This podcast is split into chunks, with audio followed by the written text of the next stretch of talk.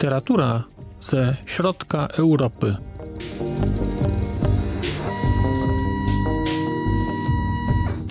Podcast około książkowy.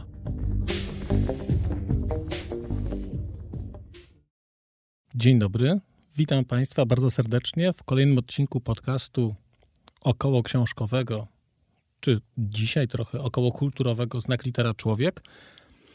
Ale witam Państwa nie sam i witam Państwa też z innego miejsca trochę, dlatego że dzisiaj będę, będzie nas dwoje, będziemy rozmawiać i moją gościnią, a właściwie nawet powiedziałbym współprowadzącą dzisiejszy program, jest pani Ania z kanału Znalezione Przeczytane. Dzień dobry, Aniu. Cześć, Marcinie. Bardzo miło mi, że zgodziłaś się współtowarzyszyć mi w tym odcinku. No ale to, to jest dopiero połowa niespodzianek, bo to, że mam rozmówczynię, to jedno. A drugie to to, że nagrywamy, spotykamy się dzisiaj y, w bardzo szczególnym miejscu, bo to jest prawdziwe studio, czyli nie, nie nagrywam po raz pierwszy, nie nagrywam w domu, tylko jesteśmy w prawdziwym studio. Dzięki uprzejmości Fundacji Otwórz się mamy możliwość nagrania w miejscu do tego przeznaczonym. To jest to pomieszczenie, które jest tak cudownie wygłuszone, że naprawdę raduje to ucho osoby, która zmaga się z różnego typu pogłosami na co dzień. A spotykamy się dzisiaj tutaj, dlatego, żeby powspominać Tomasza Beksińskiego, redaktora Tomasza Beksińskiego. Jakoś tak się poukładało, że kiedy śledzimy swoje kanały, to gdzieś w ramach komentarzy różnego typu, które gdzieś sobie tam zamieszczamy, czytamy, odkryliśmy, że postać Tomasza Beksińskiego do jakiegoś stopnia jest nam bliska, że dziedziczymy pewnego rodzaju wrażliwość i że może warto byłoby o Tomaszu Beksińskim porozmawiać. Tak, to prawda. Mm, ja również bardzo się cieszę. Przede wszystkim na początku dziękuję Ci za to zaproszenie. E, jest mi bardzo miło i podoba mi się bardzo też ta idea trzeciego rodzica, którą zaprezentowałeś niedawno na swoim podcaście. No i z tych postaci, które tam wymieniłeś, przypomnijmy, był to Tolkien, był Tomasz właśnie Beksiński, był jeszcze Grzegorz Ciechowski, w tle powiedzmy Roger Waters. I Andrzej Sapkowski. I Andrzej Sapkowski. No to z tych pięciu postaci myślę, że zdecydowanie Tomasz Beksiński jest mi najbliższy. I dlatego przyjęłam to zaproszenie, bo wydaje mi się, że mogę coś też wnieść do tej rozmowy. Właściwie myślę, że mogłabym porozmawiać o większości z tych postaci muzycznych. Tolkien może nie jest do końca mi aż tak pokrewny, natomiast y, tutaj Tomasz y, to jest no, szerokie pole do y, rozmowy, do wspominania. Zresztą pora jest też taka, myślę, że nieprzypadkowa. Jest to grudzień, będzie niedługo też rocznica śmierci Tomasza.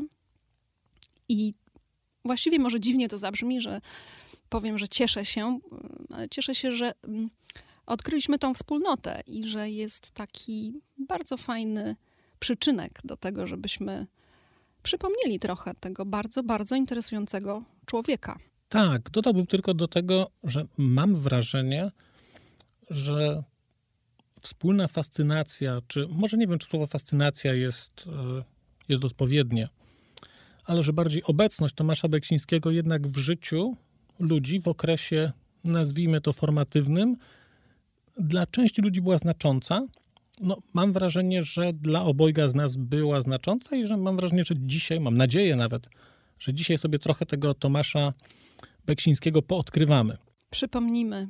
Przypomnimy trochę, tak, bo część młodszych słuchaczy może redaktora Beksińskiego nie kojarzyć, część słuchaczy starszych może go kojarzyć, no bo to też nie była osoba, która która robiła rzeczy, która nadawała rzeczy, prezentowała rzeczy dla wszystkich. I podkreślam też fakt, że, że to jest rozmowa, to nie jest wywiad e, z Anią, to nie jest wywiad no nie. z Marcinem.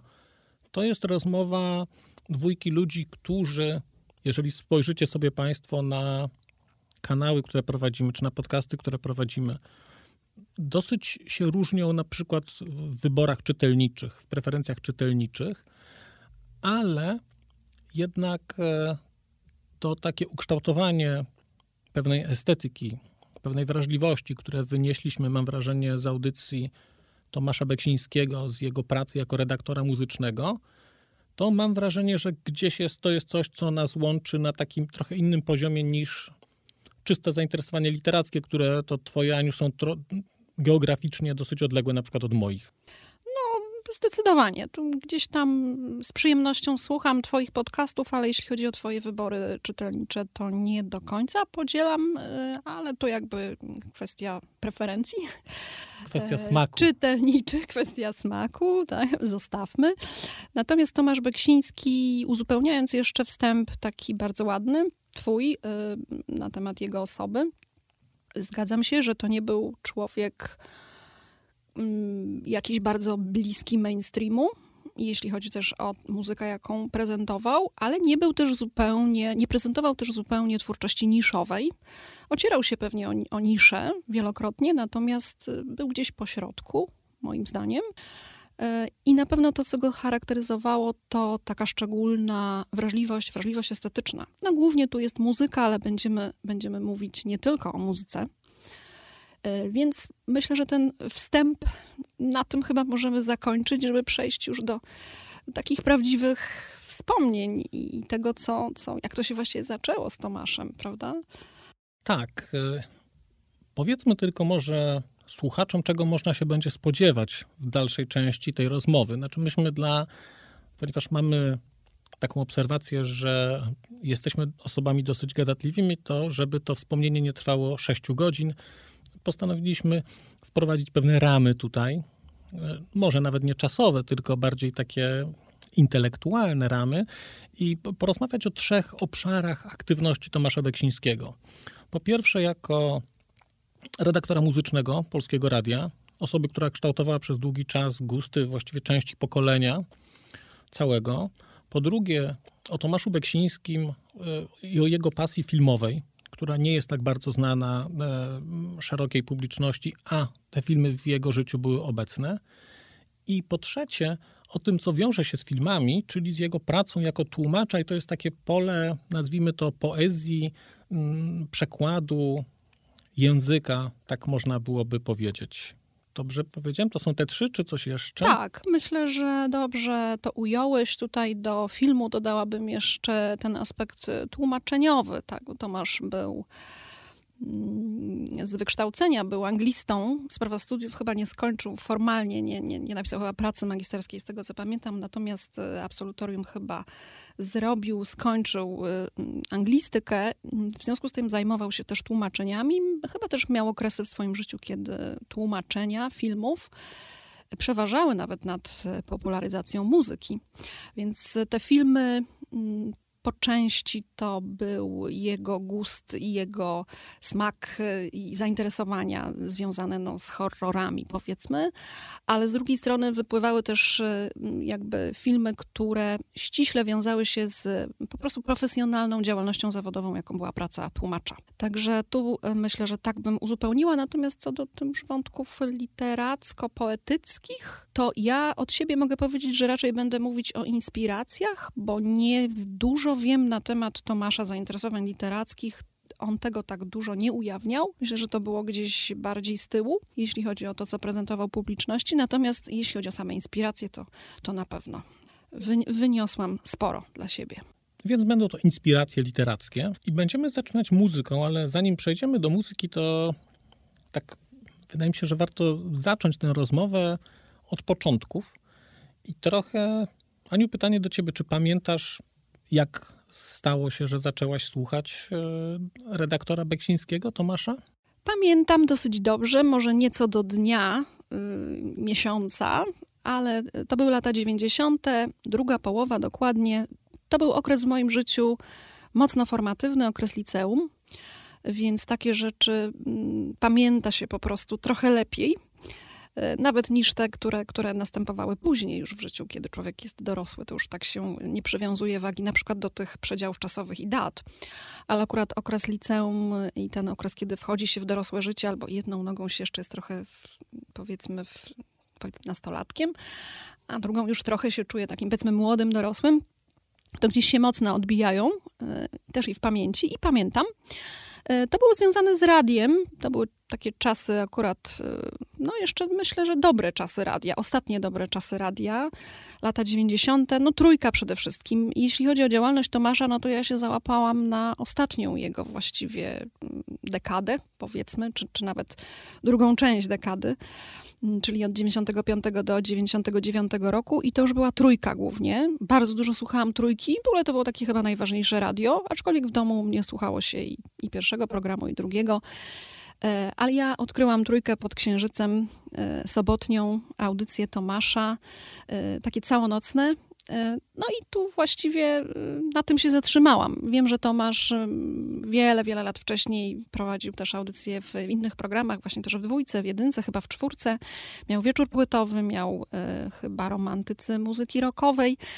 No i na to ja już się nie załapałam. Siłą rzeczy byłam za młoda po prostu. Natomiast załapałam się na tę trójkę pod księżycem i poleciła mi zresztą tę audycję przyjaciółka z okresu liceum, bo ja słuchałam trochę innych audycji. Oczywiście słuchałam Piotra Kaczkowskiego, Minimaxu, wiadomo, no to, to, to, tego wszyscy słuchali, którzy się jak kształcili w muzyce, e, trójka nas wychowywała. Natomiast e, jeszcze był Piotr Kosiński z Krakowa, który kiedyś z Tomkiem prowadził w radiu RMF rok malowany fantazją, taką muzykę, tak, ta, prezentował też ten, ten sam rodzaj muzyki. I ona właśnie, rozmawiałyśmy kiedyś właśnie o, o tych audycjach Piotra Kosińskiego, wspomniała mi, słuchaj, musisz posłuchać Beksy no musisz posłuchać Beksy. Ja mówię, ale jak to Beksiński? No kojarzyłam ojca malarza, a nie znałam, zupełnie nie znałam syna. No i no, zaczęłam słuchać. Jak, jak zaczęłam słuchać, to właściwie nie przestałam aż do, do śmierci Tomka. W sensie co sobotę, niemalże, no nie mówię, że dosłownie w każdą, ale nagrywałam tę audycję jeszcze na, tutaj dla młodzieży, tak, lekcja starożytności, na kasetowcach, dwukasetowcach, magnetofonach. Kupowałam czyste taśmy i po prostu całe audycje seriami. Czasami mi się zdarzyło, no, bo te audycje trwały od północy do godziny chyba piątej, więc zdarzało się, tak, tak, to było Marcinie.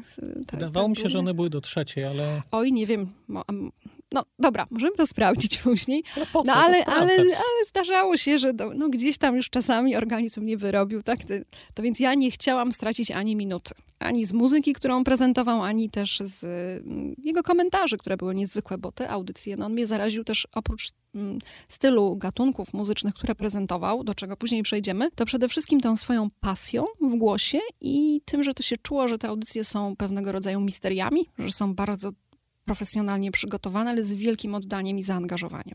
Tym mnie właściwie Tomasz kupił, więc dla mnie na 100% to jest muzyka. No, bardzo ładnie to wybrzmiało słowo misterium, bo rzeczywiście, mm, kiedy zastanawiałem się, jak opisać e, te realizacje e, to Tomasza w ramach e, Trójki pod Księżycem, ale także wcześniej, jak je ująć, to rzeczywiście słowo misterium wydaje mi się tutaj dobrze pasować. Oczywiście nie do wszystkich audycji, bo nie wszystkie audycje miały ten walor misteryjności takiej e, i takiego kompletnego, całościowego zanurzenia się, połączenia muzyki i tekstu, e, komentarza, mm, oryginalnych, oryginalnych tekstów, przekładów i tak dalej. To tego niestety było za mało. Tego wszyscy oczekiwali z mojego całkowicie amatorskiego doświadczenia mogę powiedzieć, że wiem, jakie to jest trudne, bo kilka razy próbowałem coś takiego zrobić i właściwie no, nie, nie wyobrażam sobie, jak można to robić często, bo to jest szalenie, szalenie obciążające takie i na poziomie takim poznawczym i późniejszego wykonania, no to jest właściwie bardzo, bardzo trudne, więc teraz patrzę na to inaczej i e,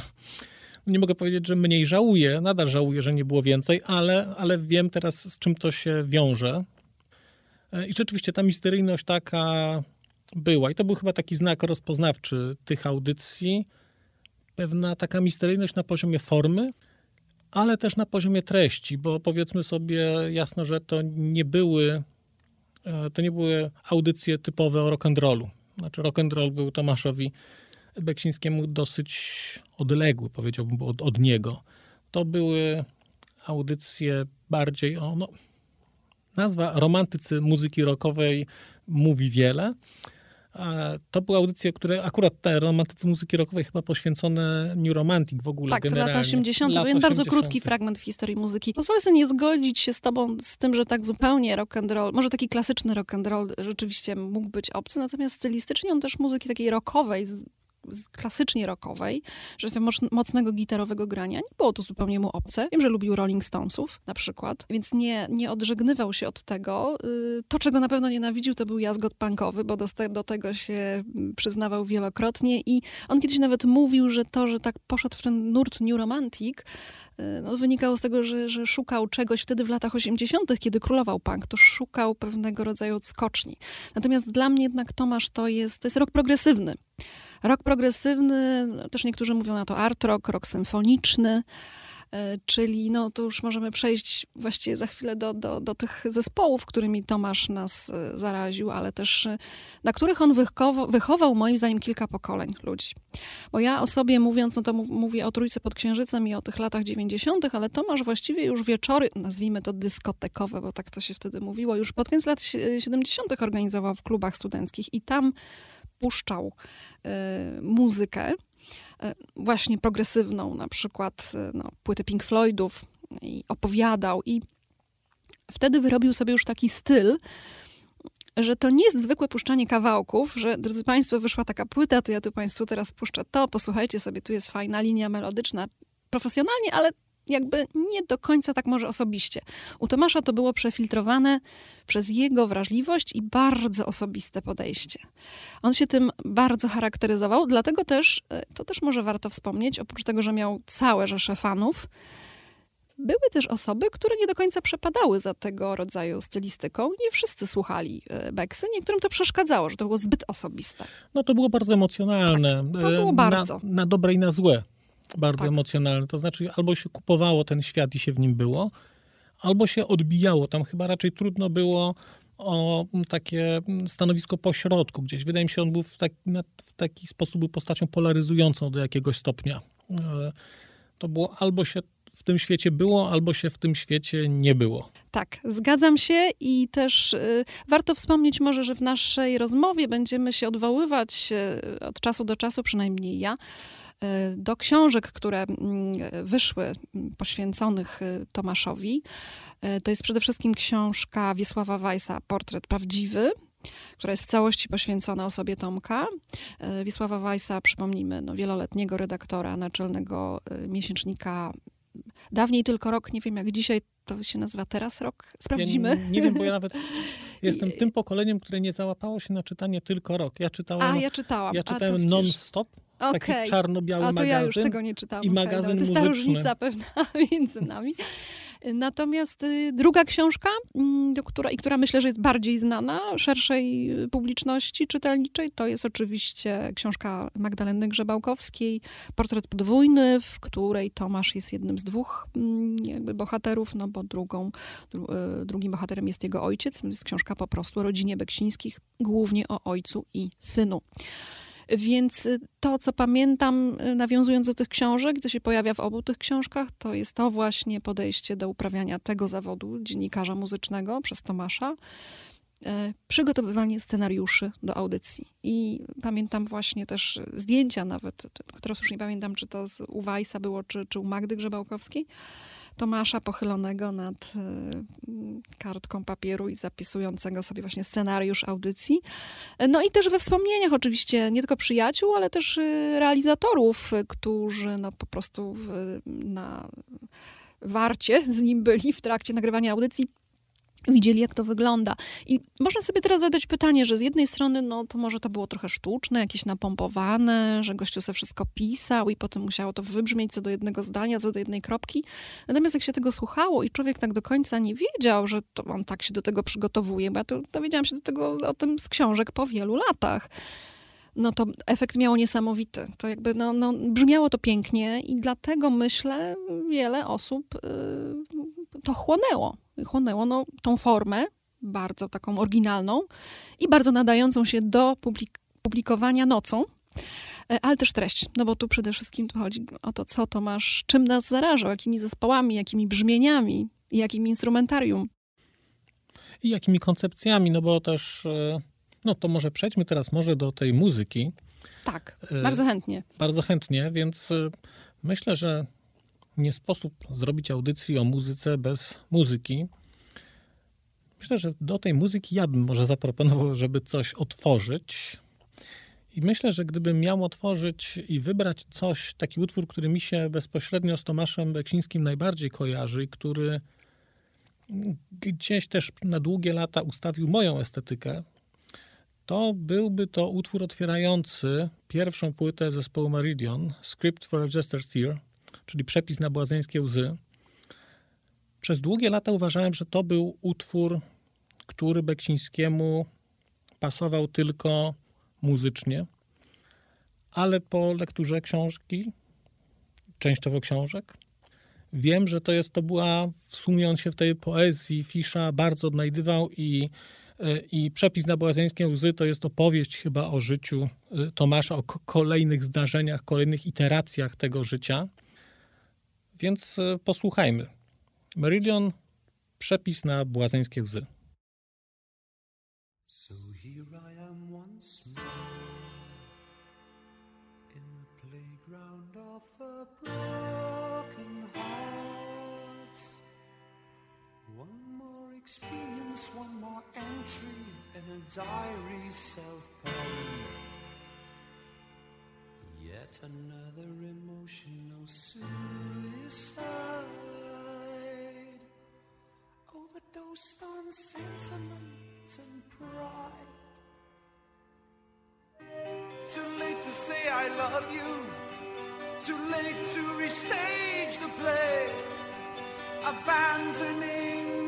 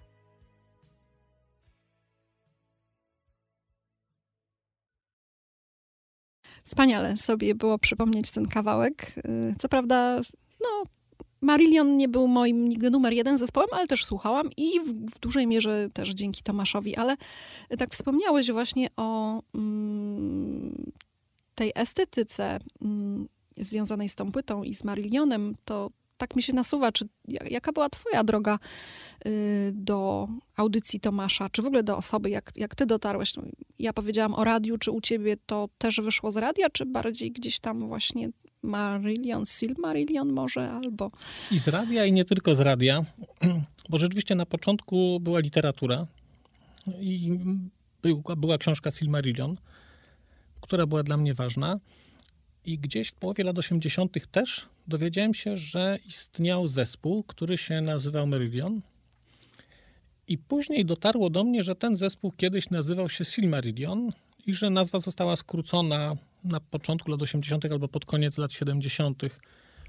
No i wtedy wiedziałem, że muszę spróbować posłuchać tego zespołu, bo wydawało mi się, że zespół, który ma w nazwie Meridian, to musi grać jakąś muzykę wysoce tolkienowską, czymkolwiek, czymkolwiek ona nie jest.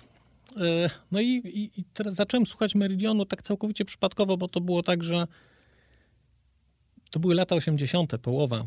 Nie było łatwo dostać płyt, e, nie było łatwo e, o kasety. I pamiętam, że nagrałem pierwszy utwór z telewizji była taka audycja wow. prowadzona przez, przez redaktora Szewczyka bodajże. Krzysztof Szewczyk. Krzysztof tak, Szewczyk. Tak. Nazywał się Telewizyjna Lista Przebojów. I w telewizyjnej liście przebojów e, był teledysk do e, takiego dosyć znanego przeboju, jednego z pierwszych przebojów Merilionu. Kaylee? Nie, to jeszcze nie Kaylee. E, to było, to było Garden Party. A, tak. I pamiętam, że słuchałem tego, ale no, było to dla mnie jakoś tam, jakoś tam interesujące, no bo nie, nie, nie bardzo rozumiałem. Teraz akurat ten utwór dosyć rozumiem z perspektywy czasu, ale jak się ma lat tam 13, to człowiek nie bardzo wnika, nie bardzo nawet wie, co oni śpiewają. I zdarzyło się tak, że w drugim programie Polskiego Radia była prezentowana dyskografia Merillionu i redaktora Beksińskiego po raz pierwszy usłyszałem, kiedy prezentował płytę Fugazi, drugą płytę Merillion I nawet nie słuchałem całej płyty, tylko jakoś się spóźniłem na to i pamiętam, że byłem w stanie nagrać ostatni utwór. Ostatni utwór, czyli to jest właśnie tytułowe Fugazi.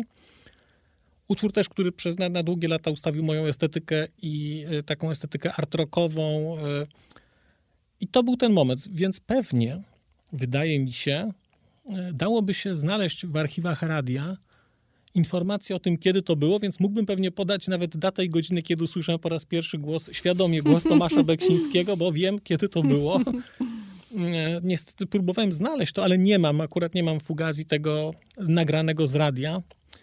E, natomiast następnego dnia wtedy nagrywałem już, już Misplaced Childhood, czyli kolejną płytę i już... A to akurat moja ulubiona płyta. Obok Brave, ale to już Brave jest zupełnie innej stylistyki, bo to już jest bez fisza, więc... E, zresztą Tomek miał takie okresy, że nie puszczał e, Marillion w ogóle i to jakby przekładało się na jego osobiste jakieś sytuacje, miał wspomnienia związane z kobietami z jego życia i koncert Marillion y, w pewnym okresie jego życia źle mu się kojarzył, więc on się w jakiś tam sposób obraził na ten zespół, tak w cudzysłowie. I nie przypominam sobie teraz, może ty y, wyprowadzisz mnie z błędu, nie przypominam sobie, czy on y, lubił ten nowy Marillion z y, Steve'em Hogartem. E, bo tutaj nie mam, y, nie mam pewności. Wiem, że bardzo lubił z Fishem, lubił samego Fisha. Natomiast ja Marillion też później słuchałam, ale też właśnie mm, z inspiracji Piotra Kosińskiego i tu nie pamiętam, jak z Tomkiem było, jeśli chodzi o ten nowy Marillion. On bardzo przeżył e, odejście Fisha z zespołu, to był rok 1987. Zresztą jak wiele osób, znaczy ja będąc fanem też, e, nie, to był rok 1987 1989 chyba. Chyba tak, 89. tak, 89, mhm. tak, 87 to była płyta Clutching at Straws.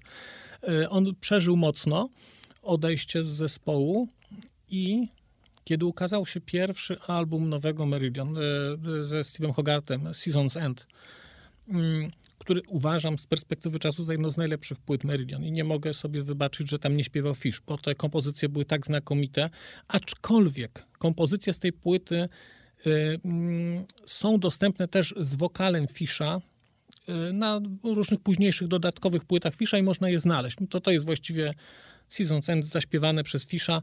Oni się tam podzielili trochę, oni wzięli muzykę, on wziął teksty. No to jest mm, bardzo ciekawe doświadczenie, kiedy słucha się tej muzyki, bo to jest na przykład muzykę, którą zna się z płyty, z płyty Season's End, a na końcu jest tak, że nagle czego orientuje się, że teksty są śpiewane inne i to są te same teksty do tych piosenek, ale są pozamieniane, czyli czyli są teksty od jednej piosenki śpiewane są do czegoś innego. Tak to jest zrobione u Fisza. Bardzo ciekawe. Ciekawe, tak to jest, ciekawe to Tego wyszło. nie wiedziałam.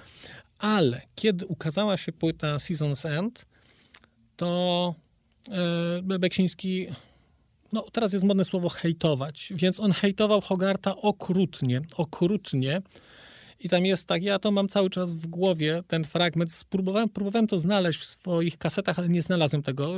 Zagrałem tę, tę płytę, ale miałem audycję, w której on y, prezentuje Season's End y, i potem tłumaczy tytuły. I tam jest taka piosenka... Ironicznie pewnie jakoś, czy, tak? Nie, nie, nie, nie? tłumaczył Aha. normalnie. Aczkolwiek nie, był komentarz, bo kiedy była piosenka Uninvited Guest, to, to pamiętam to. Uninvited Guest, nieproszony gość, to chyba o wokaliście. I to było coś niesamowitego. Ale później zmienił zdanie. I już przy płycie bodajże Brave, e, z wyjątkiem chyba tam był taki utwór, tam był jeden taki hit jakiś tak zwany Hooks in New chyba, e, którego rzeczywiście żywił do niego e, raczej zdystans, zdystansowany był wobec tej estetyki. I on później zmienił zdanie i zaczął tego Hogarta doceniać, ale przez długi czas, długi czas miał problem i nawet publicznie podnosił to na antenie, czy na przykład ma Hogart prawo śpiewania takich utworów, takich poezji właściwie Fisza, tak osobistych, jak na przykład Script for a Jester's Tear, jak Kaylee, jak Clutching at Straws, cała płyta o alkoholizmie, czy można w ogóle śpiewać czyjeś teksty? No to wydaje mi się, mi to się wpisuje trochę w osobowość Tomasza, który był taką osobą y, bardzo rygorystyczną, jeśli chodzi o pewne kwestie i chyba upartą też, ale tu bym nie brnęła w to aż tak bardzo, czy rzeczywiście Hogart miał prawo, czy nie. w naturalny sposób. To była sukcesja po prostu. Fish opuścił, to była decyzja, z tego co pamiętam, Fisha, żeby opuścić Marillion, chciał rozwijać karierę solową. Mm, e, bardziej chciałam sobie przypomnieć, jak to było do końca z, z Beksińskim, ale to widocznie był za wczesny etap jeszcze, ja też tak nie słuchałam wtedy, y, a jak już go słuchałam, to mnie się jednak, bo tak jak mówisz, u ciebie jest to Marillion, mnie się z Tomaszem kojarzą inne zespoły bardziej niż Marillion. I może sobie pozwolę wymienić, mm, jeśli chodzi o twórców muzycznych, y, takich najważniejszych dla mnie, których zaczęłam słuchać dzięki Tomkowi, przez Tomka, albo których znałam wcześniej, ale pogłębiłam swoją znajomość, czy, czy, czy bardziej pokochałam, nawet mogłabym powiedzieć. I to są dwa takie sztandarowe zespoły, tak zwane supergrupy, nawet bym powiedziała, no bo to jest King Crimson i zwłaszcza pierwsza płyta na, na dworze Karmazynowego Króla, In the Card of the Crimson King, piękna płyta, rok 69. E, I Pink Floyd. Pink Floyd, no to już można powiedzieć, ciśnie mi się na usta dinozaury roka progresywnego. E, natomiast no, Tomasz uwielbiał e, oba te zespoły, ale wydaje mi się, że Pink Floyd było tak znanym zespołem już też w pewnych kręgach, chociaż to wtedy już też była jakaś tam końcówka kariery, powiedzmy tego zespołu, no to jednak nie trzeba było Beksińskiego słuchać, żeby, żeby znać Floydów. Natomiast jeśli chodzi o Crimsonów, to już zdecydowanie tu była jakaś nisza Tomka i to, co ja mu zawdzięczam, to na pewno jest właśnie zwrócenie uwagi na ten segment rocka, bardziej awangardowy, z wpływami jazzu, jazz rocka, ze zwracaniem uwagi też na muzyków i instrumentalistów, bo to, był, to były osobowości zawsze. I tutaj mam na myśli na przykład Roberta Frippa, wspaniały gitarzysta, nie wiem, czy w ogóle nie gitarzysta wszechczasów, jeśli chodzi o umiejętności techniczne, ale też przede wszystkim wyobraźnię niesamowitą. On grał też na melotronie i w ogóle dyskografia King Crimson, tego się nie da w, jednym, w jednej stylistyce kompletnie zamknąć. Ja kocham tą pierwszą płytę i ona mi się też bardzo z Tomkiem kojarzy, ale też bardzo lubiłam płytę, no bo to były lata 90. już, przeskakujemy mocno. 95 rok. Yy, track. Tomasz prezentował też kiedyś całą płytę koncertową, Track Attack. Yy, I to naprawdę otworzyło przeze, przede mną y, no, nieznane właściwie y, obszary muzyki, y, jak bardzo bogata brzmieniowo może być ta muzyka, instrumentalnie. No i też to, na co on zwraca uwagę, no to linia melodyczna, bo też jakby melodia była też dla niego bardzo, bardzo istotna w tych utworach.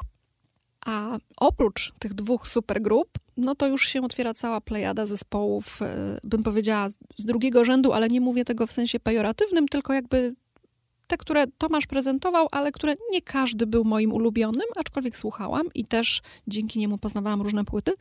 To był zespół Genesis na pewno, jeszcze sprzed epoki Phila Collinsa, bo czy, czy trzeba... Z Peterem Gabrielem. Z Peterem Gabrielem. Ja jeszcze dodaję, że ze Steve'em Hackettem, bo tam było też bardzo istotne. Steve Hackett był jeszcze przez dwie płyty po Peterze Gabrielu. On grał na gitarze.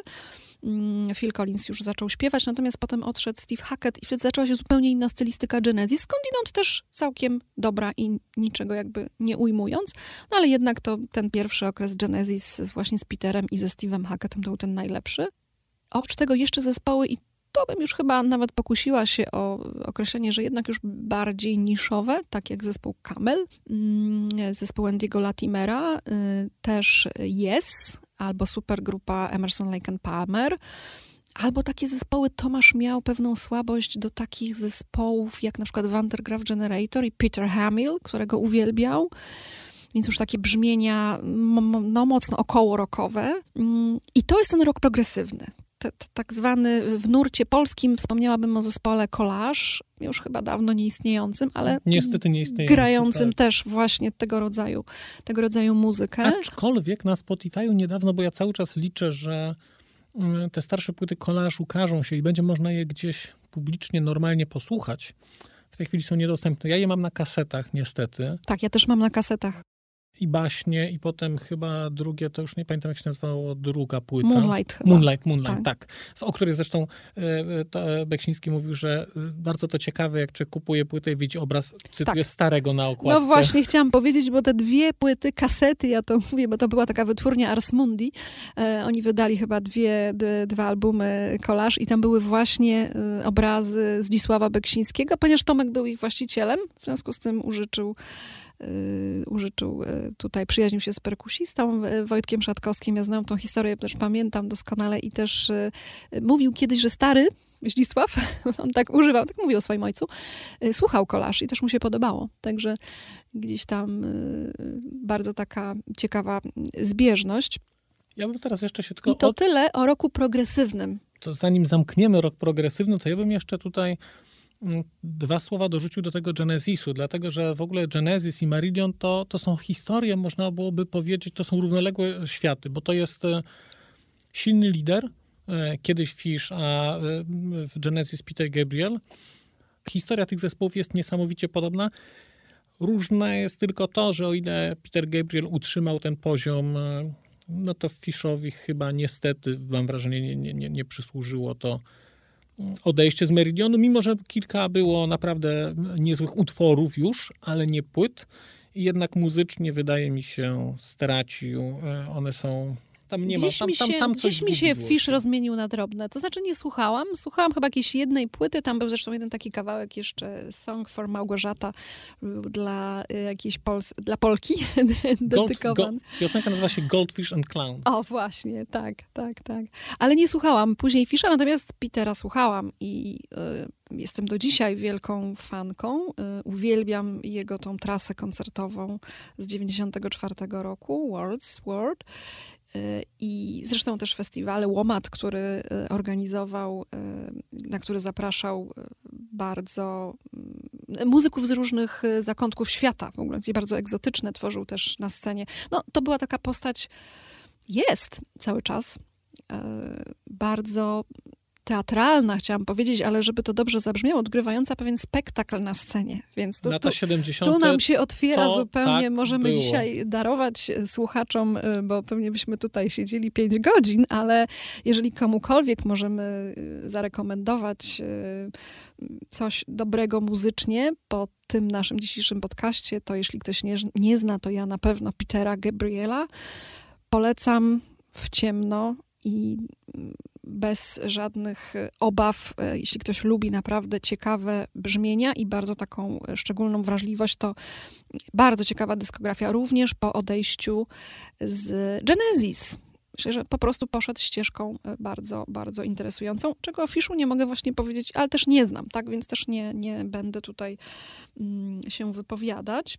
Ja bym dorzucił w tym miejscu, powiedziałbym, że w opisie odcinka znajdą Państwo również e, playlisty, bo, bo ustaliliśmy, że przygotujemy dla Państwa playlisty, to znaczy taka muzyka, która jest inspira, inspirowana Tomaszem Beksińskim, która gdzieś wpływała na i która wpływała na mnie, więc to będą dwie play, playlisty o długości bliżej w tej chwili nieznanej, ale tam... Kilka utworów się o, pojawi. Kilka czy kilkanaście, no nie wiem. e, To, tam tam się, Przewidujesz trzy godziny jednak, Marcin, rozmowy. ja nie, ja mówię o playliście, nie o tym, co będzie tu, tylko do posłuchania tak, tak, później. tak, tak, tak, bo już się przeraziłam. Y, Więc no ja na pewno, ty zacząłeś Marillionem, a ja bym na pewno do tej playlisty dorzuciła najważniejszy kawałek z pierwszej płyty King Crimson, In the Cart of the Crimson King. Przepiękna ballada, symfoniczna, y, jeden z ukochanych utworów Tomka. To na pewno musi się pojawić. To może niech pojawi się teraz.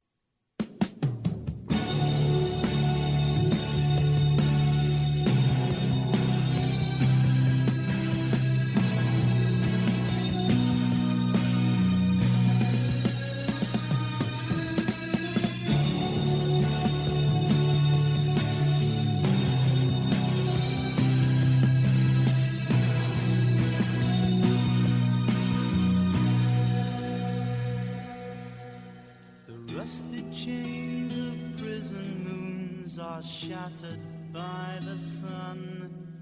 I walk a road, horizons change, the tournament's begun. The purple piper plays his tune, the choir softly sing. Three lullabies in an ancient tongue for the court of the crimson.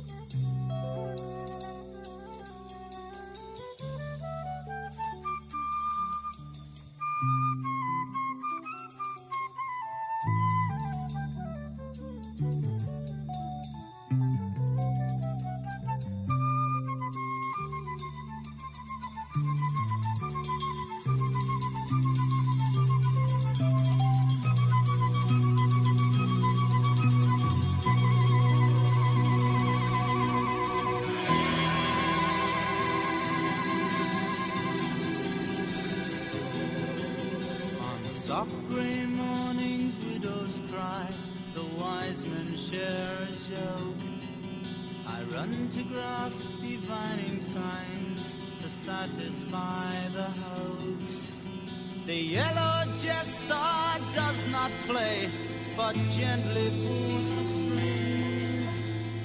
Smiles as the puppets dance in the court of the crimson.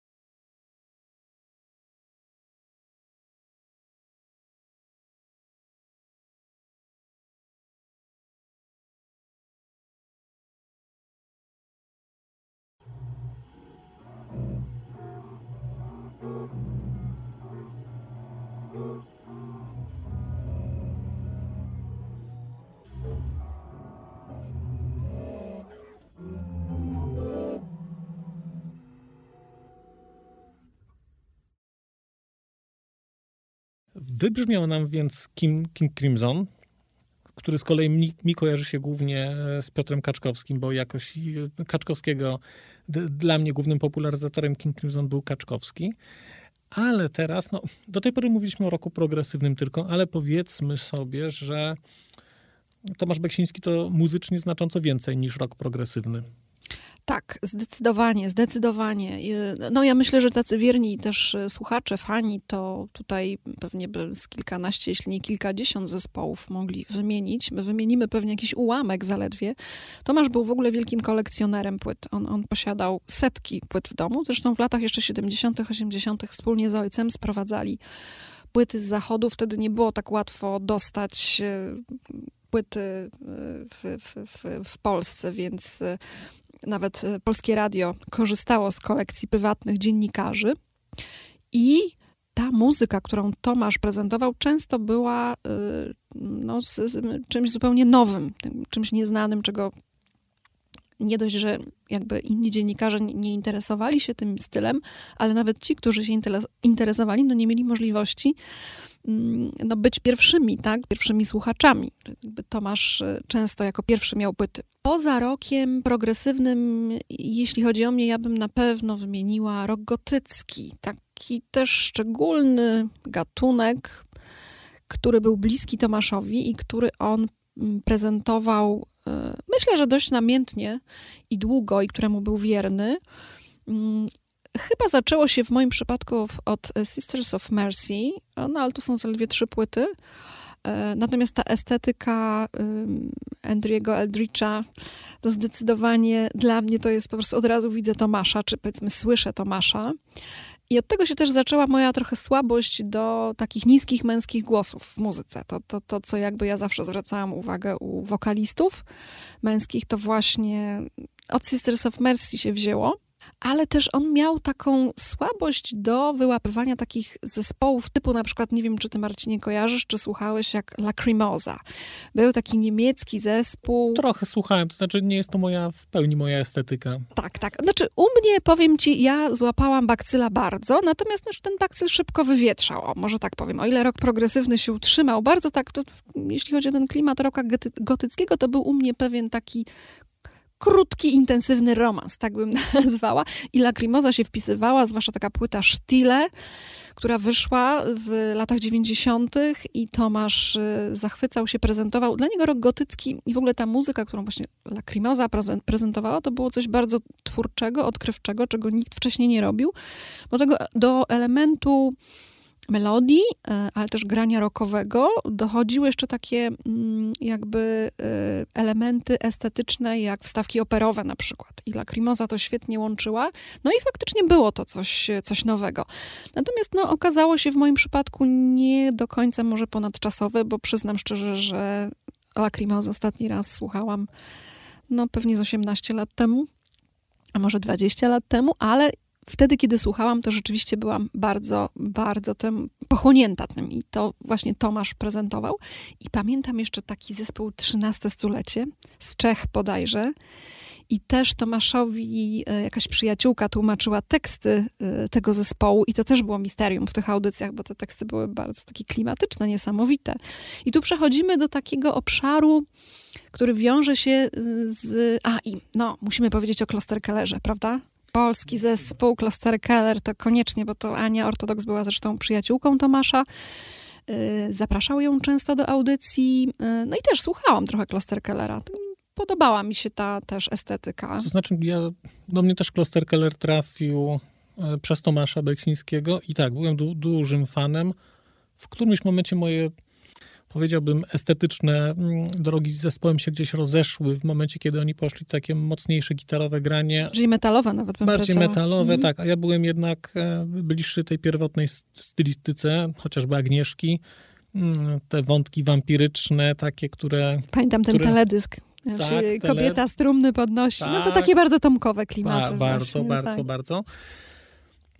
Ale rzeczywiście istnieje taki wątek niszowej muzyki, którą, którą Beksiński prezentował i w moim przypadku ja na przykład nigdy nie, ten, ten rok gotycki jakoś mi nie podszedł i akurat jak to w audycjach u niego było, no to wiedziałem, że muszę odcierpieć, bo może potem będzie coś sensowniejszego zagrane. bo nie jest też tak, że całościowo podzielam stylistykę i, i preferencje stylistyczne Tomasza Beksińskiego, ale na przykład na mnie bardzo duży wpływ, właściwie na długie lata też mnie ukształtował muzycznie 4AD. Wytwórnia 4AD to jest taka niezależna wytwórnia angielska, mm, która robiła taką w latach 80. taką muzykę jak Dead Can Dance, zwłaszcza pierwsze płyty. To jest, to jest typowe 4AD. Mm, tam jest Xmal Deutschland, tam jest Cocteau Twins, tam jest Clan of Zymox. To jest bardzo, bardzo specyficzna, bardzo wymagająca muzyka, która właściwie na antenie była prezentowana chyba tylko przez Tomasza w takich większych dawkach. To znaczy Dead Can Dance mogło się pojawiać też u Piotra Kosińskiego, wydaje mi się, i może u, w Minimaxie też. Ale to były pojedyncze utwory. Mm. Natomiast rzeczywiście tamte y, też był Suzy and the Banshees, takie angielskie. Tak, tylko tak. wydaje mi się, że Suzy to, nie wiem, czy Suzy to było 4AD, tego, nie, tego nie, w tej chwili nie pamiętam, ale to była cała taka e, taka stylistyka, nazwijmy to atonalna wysoce, która gdzieś ze mną została na przykład. Jak do, do tej pory sobie myślę o takich płytach, które gdzieś zdefiniowały mnie na lata estetycznie, to to na przykład e, płyta Lizy Gerard e, Mirror Pool. E, tę płytę usłyszałem u Tomasza właśnie w audycji i sobie ją, no, no i ona jest na moich rankingach takich płyt, hmm. których nie słucham codziennie, ale jakbym miał wybrać kilka dosłownie płyt, które będę słuchał do końca życia, to na pewno by się tam ta płyta znalazła. No u mnie to właściwie prawie cała dyskografia Dead Can Dance, aczkolwiek chyba The Serpent to chyba jest moja ukochana, chociaż chociaż no, to, to jest też tak y, nietypowy zespół. Y, sam wokal Lizy Gerard, właściwie nie, nie znam chyba drugiej wokalistki, do której mogłabym Lizę porównać, więc jest dla mnie zupełnie osobno. Jest tak jakby... Są takie zespoły. King Crimson jest dla mnie takim zespołem. Dead Can Dance jest takim zespołem. Jest sobie muzyka i są te zespoły. Nie umiem ich jakoś tak wrzucić w jednym nurcie zostawić, czy analizować przez jedną płytę na przykład, po prostu to są, to no, są osobne zjawiska. Nie da się, no, w szczególności jeżeli patrzy się na Dead Can Dance, y, gdzie te pierwsze brzmienia takie zupełnie tak zwane nowofalowe, mm, która to z kolei stylistyka do mnie w tej chwili przemawia. I ja tę nową falę, bo ja się na nową falę nie załapałem już, y, bo byłem za młody, o kilka lat za młody. No ja też, zupełnie.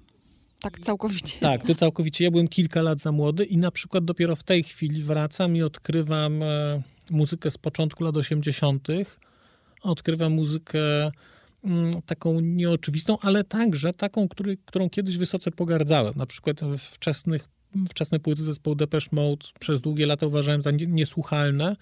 Dopiero słuchałem właściwie od płyty Violator, e, późniejszy, taki już dojrzalszy. A teraz w tej chwili z dużą przyjemnością wracam właśnie do tego brzmienia takiego powiedzmy nowofalowego, do New Romantic, do tej takiej bardzo charakterystycznej perkusji e, lat 80., połowy. Właściwie w tej chwili to tak, tak się tego słuchałem, że, że właściwie to się rozpoznaje po dwóch sekundach, kiedy płyta była nagrana po, po prostu po tym rytmie, który tam jest. I to jest, to jest dziedzictwo Beksińskiego. To jest dziedzictwo dla mnie muzyczne Tomasza Beksińskiego, bo, no bo te rzeczy zostały i właściwie te wątki rozwijam, bo o ile na przykład nie rozwijam zainteresowań związanych z rokiem progresywnym, to gdzieś zostało i właściwie wystarcza mi, nie wiem, raz na jakiś czas nowa płyta Meridian. O tyle te rzeczy nowofalowe takie, no to ja cały czas grzebię i wyciągam stare rzeczy, to jest takie, no, na szczęście teraz dosyć łatwo do takich rzeczy dotrzeć, więc... Tak, no w dzisiejszych czasach Spotify to zupełnie faktycznie inna, in, inny świat. Wracając jeszcze do tych y, y, inspiracji od Tomka, y, u mnie to właściwie jest tak, że u mnie w ogóle muzyka dzisiaj nie jest tak bardzo ważna, jak była w tym okresie takim wysoce formatywnym, okres liceum, wczesne studia. Bardziej w książki poszłam, w inne obszary zainteresowań, więc gdzieś tam powiedzmy do takich bardziej klasycznych wracam. E, na przykład no, dyskografia Pink Floyd zawsze jest jakby na czasie u mnie. Natomiast e, jest też taki artysta i tutaj przejdę już do takiej może trzeciej części tych inspiracji tomkowych e, mm, obok roka progresywnego, obok roka gotyckiego. To u mnie jest jeden taki artysta, który jest nie tylko muzykiem, no ale przede wszystkim jest muzykiem i zawsze mi się będzie z Tomkiem kojarzył, bo u Tomka go pierwszy raz usłyszałam i potem rozwijałam też jakby zainteresowania związane z jego twórczością. I to jest Nick Cave. australijski muzyk, ale też aktor, twórca, poeta, autor świetnych tekstów, tworzący też coś w rodzaju, bym powiedziała, tego spektaklu na scenie, czy też w swoich utworach. I który wydaje mi się, że tak estetycznie, emocjonalnie, duchowo jest bardzo blisko Tomasza, i Tomasza spojrzenia na świat, na rzeczywistość, jego wrażliwości. W takim przerysowaniu nawet. Przerysowaniu, ale też w takim, bym powiedziała, y, przywiązywaniu uwagi do, do motywów w twórczości bardzo charakterystycznych, pokrewnych Tomaszowi, takich jak miłość, jak śmierć, jak zazdrość, y, jak wzajemne wpływanie na siebie, jakieś takie spętlenie. I cały czas jakby twórczość Cave'a, ale też myślę, że no, tutaj można byłoby powiedzieć trochę życiorys Tomasza, zamyka się w kręgu takich y, tematów ważnych bardzo, chociaż tu oczywiście możemy mówić głównie o takiej stylistyce kulturowej, no bo mówimy o twórczości, mówimy o muzyce, ale ona w przypadku Tomasza, ale też w przypadku Cave'a mocno zbiegała się z życiem. Czasami do tego stopnia, że trudno było rozdzielić e, to, co było prawdą, a co było fikcją. Wiem, że były takie y, audycje Tomasza, w których on wręcz bardzo otwarcie mówił o swoich osobistych przeżyciach i kierował słowa do pewnych konkretnych osób. I pamiętam, jak y, usłyszałam Loverman, taki utwór Cave'a z jego płyty pierwszej mojej ukochanej Let Love In, E, no to się zakochałam z miejsca. No i tutaj jest to pokłosie też właśnie wcześniej Sisters of Mercy, ale to moje uwielbienie do niskich głosów. Uwielbiam Cave'a, uważam, że to jest jeden z lepszych, jeśli nie najlepszy w ogóle wokal.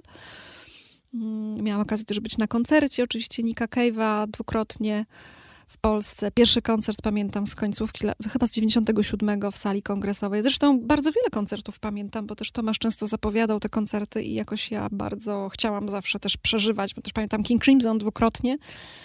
Y, pamiętam Camel, y, mm, no na Marillion nie byłam, ale byłam na Fiszu. Y, natomiast tak, wracając do Cave'a, tu właściwie mogłabym w sposób naturalny przejść już do mm, wątków może literackich.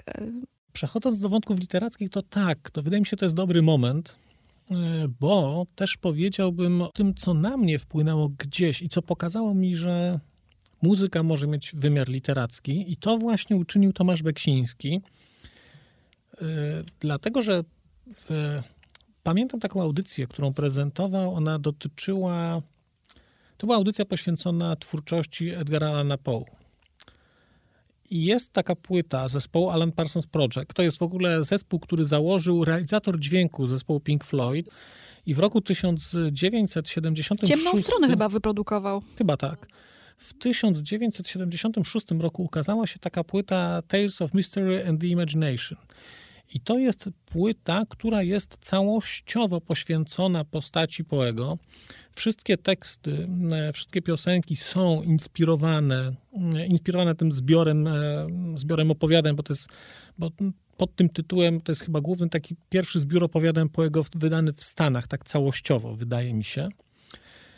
I pamiętam, że byłem zaskoczony tym, jak bardzo istotne jest słuchanie albumów całości i właściwie koncept, koncept albumów, ale ja właściwie w tej chwili, do tej pory, do tej pory nie jestem w stanie e, słuchać e, pojedynczych utworów i no nie chcę powiedzieć, że pogardzam ludźmi, którzy słuchają pojedynczych utworów e, z płyt, ale no dla mnie jest to, dla mnie jest to złamanie pewnego smaku. Znaczy, a, a twórca, autor układa te mm, utwory po to, żeby coś przekazać i w takiej formie chcę to odbierać. Więc było, było, był ten e, Alan Parsons Project i była też płyta Genesis, e, The Lamp Lies Down on Broadway. I to jest też płyta, która, która, wokół której Beksiński stworzył takie misterium, bo on ta, tę płytę, właściwie dwupłytowy album, długi, to jest, to jest półtorej godziny muzyki, e, o takiej, powiedziałbym, surrealistycznej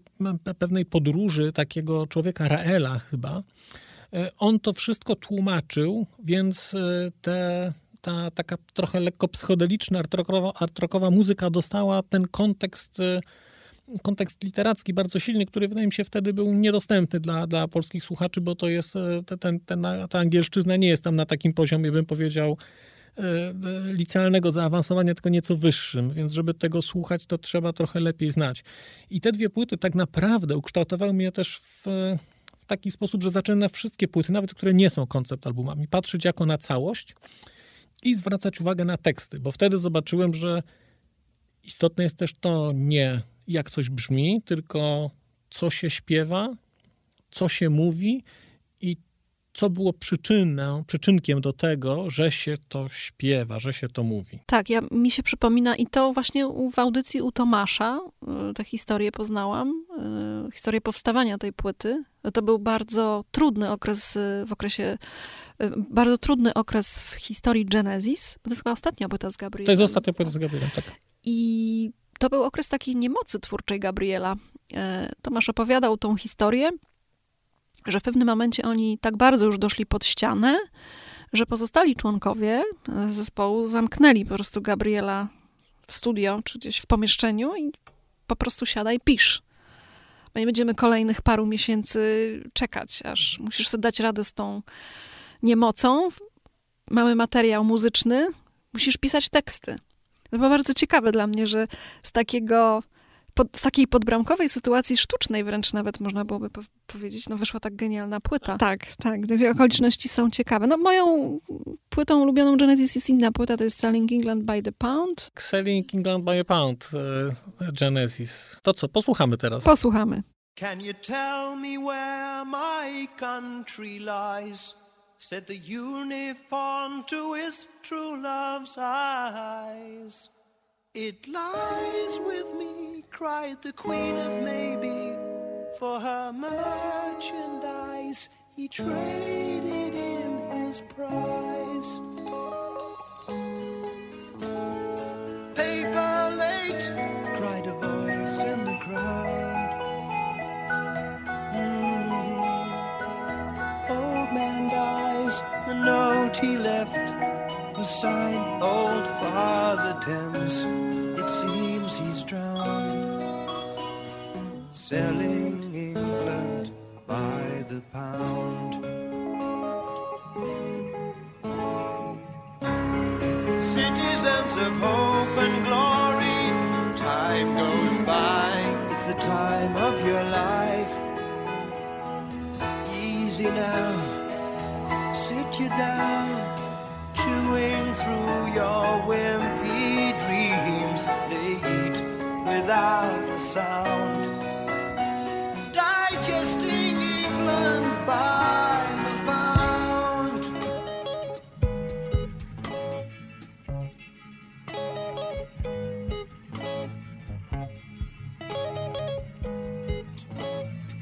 Young man says you are what you eat well. Old man says you are what you wear, well, well. You know what you are, you don't give a damn.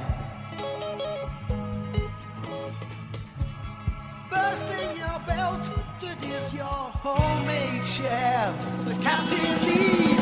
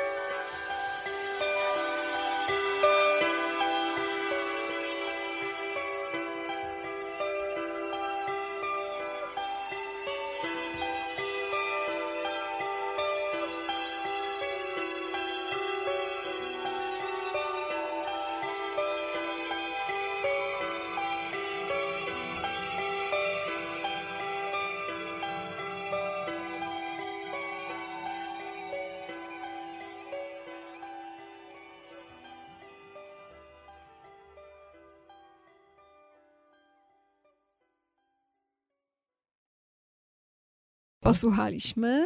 Y, tak sobie myślałam, bo jak przechodzimy do tych wątków jeszcze literackich, y, co byśmy mogli puścić y, jeszcze później, czy dodać do playlisty w klimatach Edgara Allana Poe.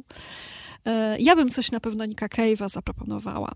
Ale jeśli chodzi o Edgara Alana Poe, to, to jest zdecydowanie, zdecydowanie nazwisko, które, na które ja zwróciłam uwagę dzięki Tomaszowi. Ja również. I nawet przeczytałem kiedyś w liceum opowiadanie, które no podobał mi się, bo musiały mi się podobać, bo wtedy podobało mi się wszystko, co sygnuje Tomasz Beksiński, ale, ale jakoś tak, mm, jak usiłowałem je czytać jeszcze przed tym spotkaniem sobie odświeżyć, to jakoś tak nie bardzo. Mhm. E, no nie, ja, ja, no jednak e, Tomasz prezentował e, Edgrala na Po przede wszystkim jako poetę wszechczasów i mnóstwo było audycji, już nawet w samej Trójce pod Księżycem, ale sądzę, że on też mogły się pojawiać te utwory czytane przez Tomasza we wcześniejszych audycjach, w sensie w innych programach. Ale ja pamiętam, że on cytował całe fragmenty i też częściowo y, sam tłumaczył niektóre poematy. I pierwszym poematem, jaki usłyszałam, to było Annabel Lee. Y, oczywiście te motywy y, też były bardzo zbieżne. No właśnie też z taką historią Tomka trochę, bo tam też zawsze, czy też z tymi historiami Cave'a, to się wszystko spina w jedną estetykę, bo tam zawsze była miłość, zawsze była śmierć, zawsze była albo śmierć pięknej kobiety, albo właśnie nieszczęśliwa miłość, mężczyzna często opuszczony przez żonę, albo mężczyzna, któremu zmarła ukochana kobieta. Annabel Lee y, mówiła o y, śmierci właśnie młodej dziewczyny. I pamiętam, że Tomasz czytał, y, czytał te fragmenty, i to jest niesamowite, bo później po wielu, wielu latach, a czy po wielu, no powiedzmy tam po siedmiu czy, czy ośmiu latach, ten motyw Annabelli znalazłam w Lolicie Nabokowa. E, no i to było niesamowite, jak literatura właśnie potrafi być intertekstualna, bo jakby pierwszą miłością Humberta, zanim poznaje Lolitę, to jest miłość z czasów jego dzieciństwa, Anabeli, która zmarła na tyfus w dzieciństwie. I gdzieś tam widmo cały czas tej, tej Anabeli y, jest, siedzi w głowie Humberta. E, no a to jest bezpośrednia inspiracja też nabokowa, y, no właśnie twórczością Edgara Allana Poe. No ale chyba takim najbardziej znanym i takim, który chyba na mnie największe wrażenie zrobił, to jest jednak poemat Kruk. Poemat Kruk, który czytałam chyba w siedmiu tłumaczeniach. No, słynne jak przetłumaczyć Nevermore, tak? Tak, tak, dokładnie. Nevermore i też mi się tu kojarzy y, od razu też y, taki wątek osobisty z życia Tomasza, czyli obraz, który ojciec mu namalował. Bo Zdzisław Beksiński nie tytułował swoich obrazów, z tego słynął, że właściwie nikt nie był w stanie go zmusić do tego, żeby uważał, że to jest jakaś głupota tytułować obrazy. Natomiast y, ten jeden obraz zatytułował Nevermore i był on dedykowany Tomaszowi i to jest obraz, nie wiem, czy ty wiesz, Marcin, jak wygląda ten obraz? Nie, nie kojarzę, nie kojarzę. To są takie wilki, yy, takie, bym powiedziała, spłoszone wilki, ale obraz jest dosyć mroczny, ale jednocześnie jest w bardzo takich pozytywnych kolorach. Jasnych, u góry pomarańczowych, jakiś taki balon się unosi. I ja bym powiedziała, że w ogóle on nie jest pesymistyczny. I ja tak to odebrałam trochę jakby taka ręka wyciągnięta przez ojca do syna, pewien, no oczywiście Zdzisław znał swojego syna i, wiedział, jak, jaki jest jego stosunek do życia, do rzeczywistości. I kiedyś nawet się przyznał, że to jest, to jest obraz, który, który jemu dedykuje, wiedząc też, że uwielbia on ten poemat Nevermore, który wcale się nie kończy optymistycznie, ale obraz, o dziwo, ma nieco inną klamrę. E, polecam ci zerknąć sobie, jak, jaki to jest obraz. Natomiast no, ten poemat Kruk y, uwielbiam i nawet przed naszym nagraniem poszukałam sobie tłumaczeń. E, I, I, znalazłam sobie nawet na YouTubie, wygrzebałam jakąś starą audycję w wersji, w wykonaniu Tomasza sobie nawet posłuchałam. Także to, to, to, to jest piękne. No i kruk nie zniknął wcale, ciągle siedzi, siedzi stale na rzeźbionym biuście pani, palias nad mej izby drzwiami. Tak. E, no, przyznam, że nie za bardzo wiem właśnie, bo to jest trochę tak, że jak się poczyta te książki o Beksińskim, Tomaszu, to ku mojemu zaskoczeniu, dla mnie to było e, no, dosyć zaskakujące, że to był jednak człowiek muzyki i ta literatura, którą mu się przypisuje, wydaje mi się przez te wątki poetyckie, przez tego Cave'a, przez te tłumaczenia e, Fisza, przez, e, przez te audycje o Paul, to Wszyscy uważają, że to był człowiek, który gdzieś się zaczytywał, musiał się zaczytywać tego typu literaturą, a chyba tak nie było, prawda? Tak, taki pojawia się obraz człowieka raczej skupionego na muzyce. Tak, zdecydowanie. Mi się wydaje, że literatura nie, nie, na pewno nie była najważniejszą, y, może nawet nie była ważną y, częścią jego życia. To zresztą widać też po tym, jak się ogląda filmy dokumentalne. U niego nie było w mieszkaniu praktycznie księgozbioru, ale czytał na pewno, kiedy studiował anglistykę, bo musiał literaturę klasyczną, y, przynajmniej tę tego nurtu anglosaskiego poznać. Poza tym też z książek dowiedziałam się, że były pewne książki dla niego ważne. I mm, na pewno była to Światłość w sierpniu Faulknera. Mówię tutaj o tych książkach, na które ja zwróciłam uwagę, bo to są też książki dla mnie ważne. Ja bardzo lubię Faulknera i właśnie lubię Światłość w sierpniu, ale jeszcze bardziej y, Wilka Stepowego. Hermana Hessego. To jest jedyny Hesse, którego nie czytałem. Większość, no, więc musisz nadrobić, kilkukrotnie, ale Wilk Stepowy jakoś zacząłem no, i jakoś nigdy mnie nie Ale porwał. to jest, być może to też trzeba czytać w pewnym okresie. Yy, takim bardziej formatywnym, bym powiedziała. To, to jest zupełnie inna książka niż na przykład Gra Szklanych Paciorków, którą trzeba czytać w trochę już bardziej dojrzałym wieku, moim zdaniem, aczkolwiek mogę się mylić. Ja Wilka Stepowego czytałam w liceum, umieściłam go na swojej liście 30 ukochanych książek i tak, i bohater e, Ary, właśnie Wilka Stepowego, to też jest takie, no, chciałabym powiedzieć alter ego Tomasza, gdyby to Tomasz pisał, ale wiem, że też się bardzo utożsamiał. I też tam jest ten taki dekadentyzm, rozmyślanie o samobójstwie, e, takie mroczne tematy, e, zupełnie poważnie analizowane, traktowane i myślę, że można też w pewnym sensie się identyfikować z tym bohaterem, więc to mi się gdzieś tam bardzo wpisuje. Natomiast też, e, i też wspomnę o ostatnim felietonie mm, Tomasza z Tylko Roka, tym takim przed śmiercią, pisanym no właściwie chyba już z pełną świadomością tego, co planował. Jako Tylko pewien testament, tak, tam wspomina najpiękniejsze rzeczy, dla których warto żyć, fragmenty z koncertów, Marillion na przykład. Ale też pojawia się Miłość w czasach zarazy Markeza. Byłam bardzo zaskoczona, zwłaszcza, że to też jest jedna z moich ulubionych książek, więc akurat u Markeza, który przecież zasłynął z innych książek, chociażby 100 lat samotności. Natomiast Miłość w czasach zarazy Także y, no gdzieś jeszcze te pokrewieństwa z Tomaszem bardziej, bardziej czułam, ale nie wydaje mi się, żeby literatura była y, jakoś ważna dla niego. Literatura może nie, ale wydaje mi się, że jak na to tak patrzę trochę tak szerzej, to wydaje mi się, że język tak. I to jest wtedy pewna idea przekładu, czyli to w, właściwie co chyba stanowiło główne jego źródło utrzymania, o czym też nie wszyscy wiedzą, czyli tłumaczenia filmów, czyli de, no de facto tłumaczenia filmów. E, I to nie tylko filmów pojedynczych, ale też całych cykli filmowych, no bo można byłoby powiedzieć, że Beksiński stworzył polski kanon tłumaczenia czy latającego cyrku Monty Pythona, czy w ogóle całej twórczości e, grupy Monty Pythona, ale także stworzył cały język tłumaczenia, całą estetykę tłumaczenia Bonda. No bo te wszystkie wczesne Bondy, właściwie do śmierci, no to były, to były przekłady Tomasza. Tak, dokładnie. I myślę, że fajnie, płynnie przechodzimy sobie do tej ostatniej, ostatniego obszaru zainteresowań Tomka, ale też jego działalności zawodowej, czyli filmy i tłumaczenia. I tutaj też jest o czym mówić. I tutaj myślę, że dobrze byłoby też naszym słuchaczom albo przypomnieć, a może niektórych zainspirować, e, bo Tomasz pozostawił sporą spuściznę, jeśli chodzi o tłumaczenia. I to będą przede wszystkim Bondy i przede wszystkim Monty Python. Te dwa ja bym wyróżniła. Ale też możemy wspomnieć o innych filmach. Ale jestem właśnie bardzo ciekawa tych Bondów, Marcinie, bo ja, y, no przyznam się, że ja nie jestem jakąś wielką miłośniczką. Widziałam, oglądałam, zatrzymałam się na... Yy, Piersie Brosmanie. Nie oglądałam już tych najnowszych Bondów. E, Marcin kręci głową, że mam dużo do nadrobienia, ale jak ja widzę Tomasza i, i, i Bondy, y, bo tu być może mnie poprawisz, zaraz ci przekażę mikrofon.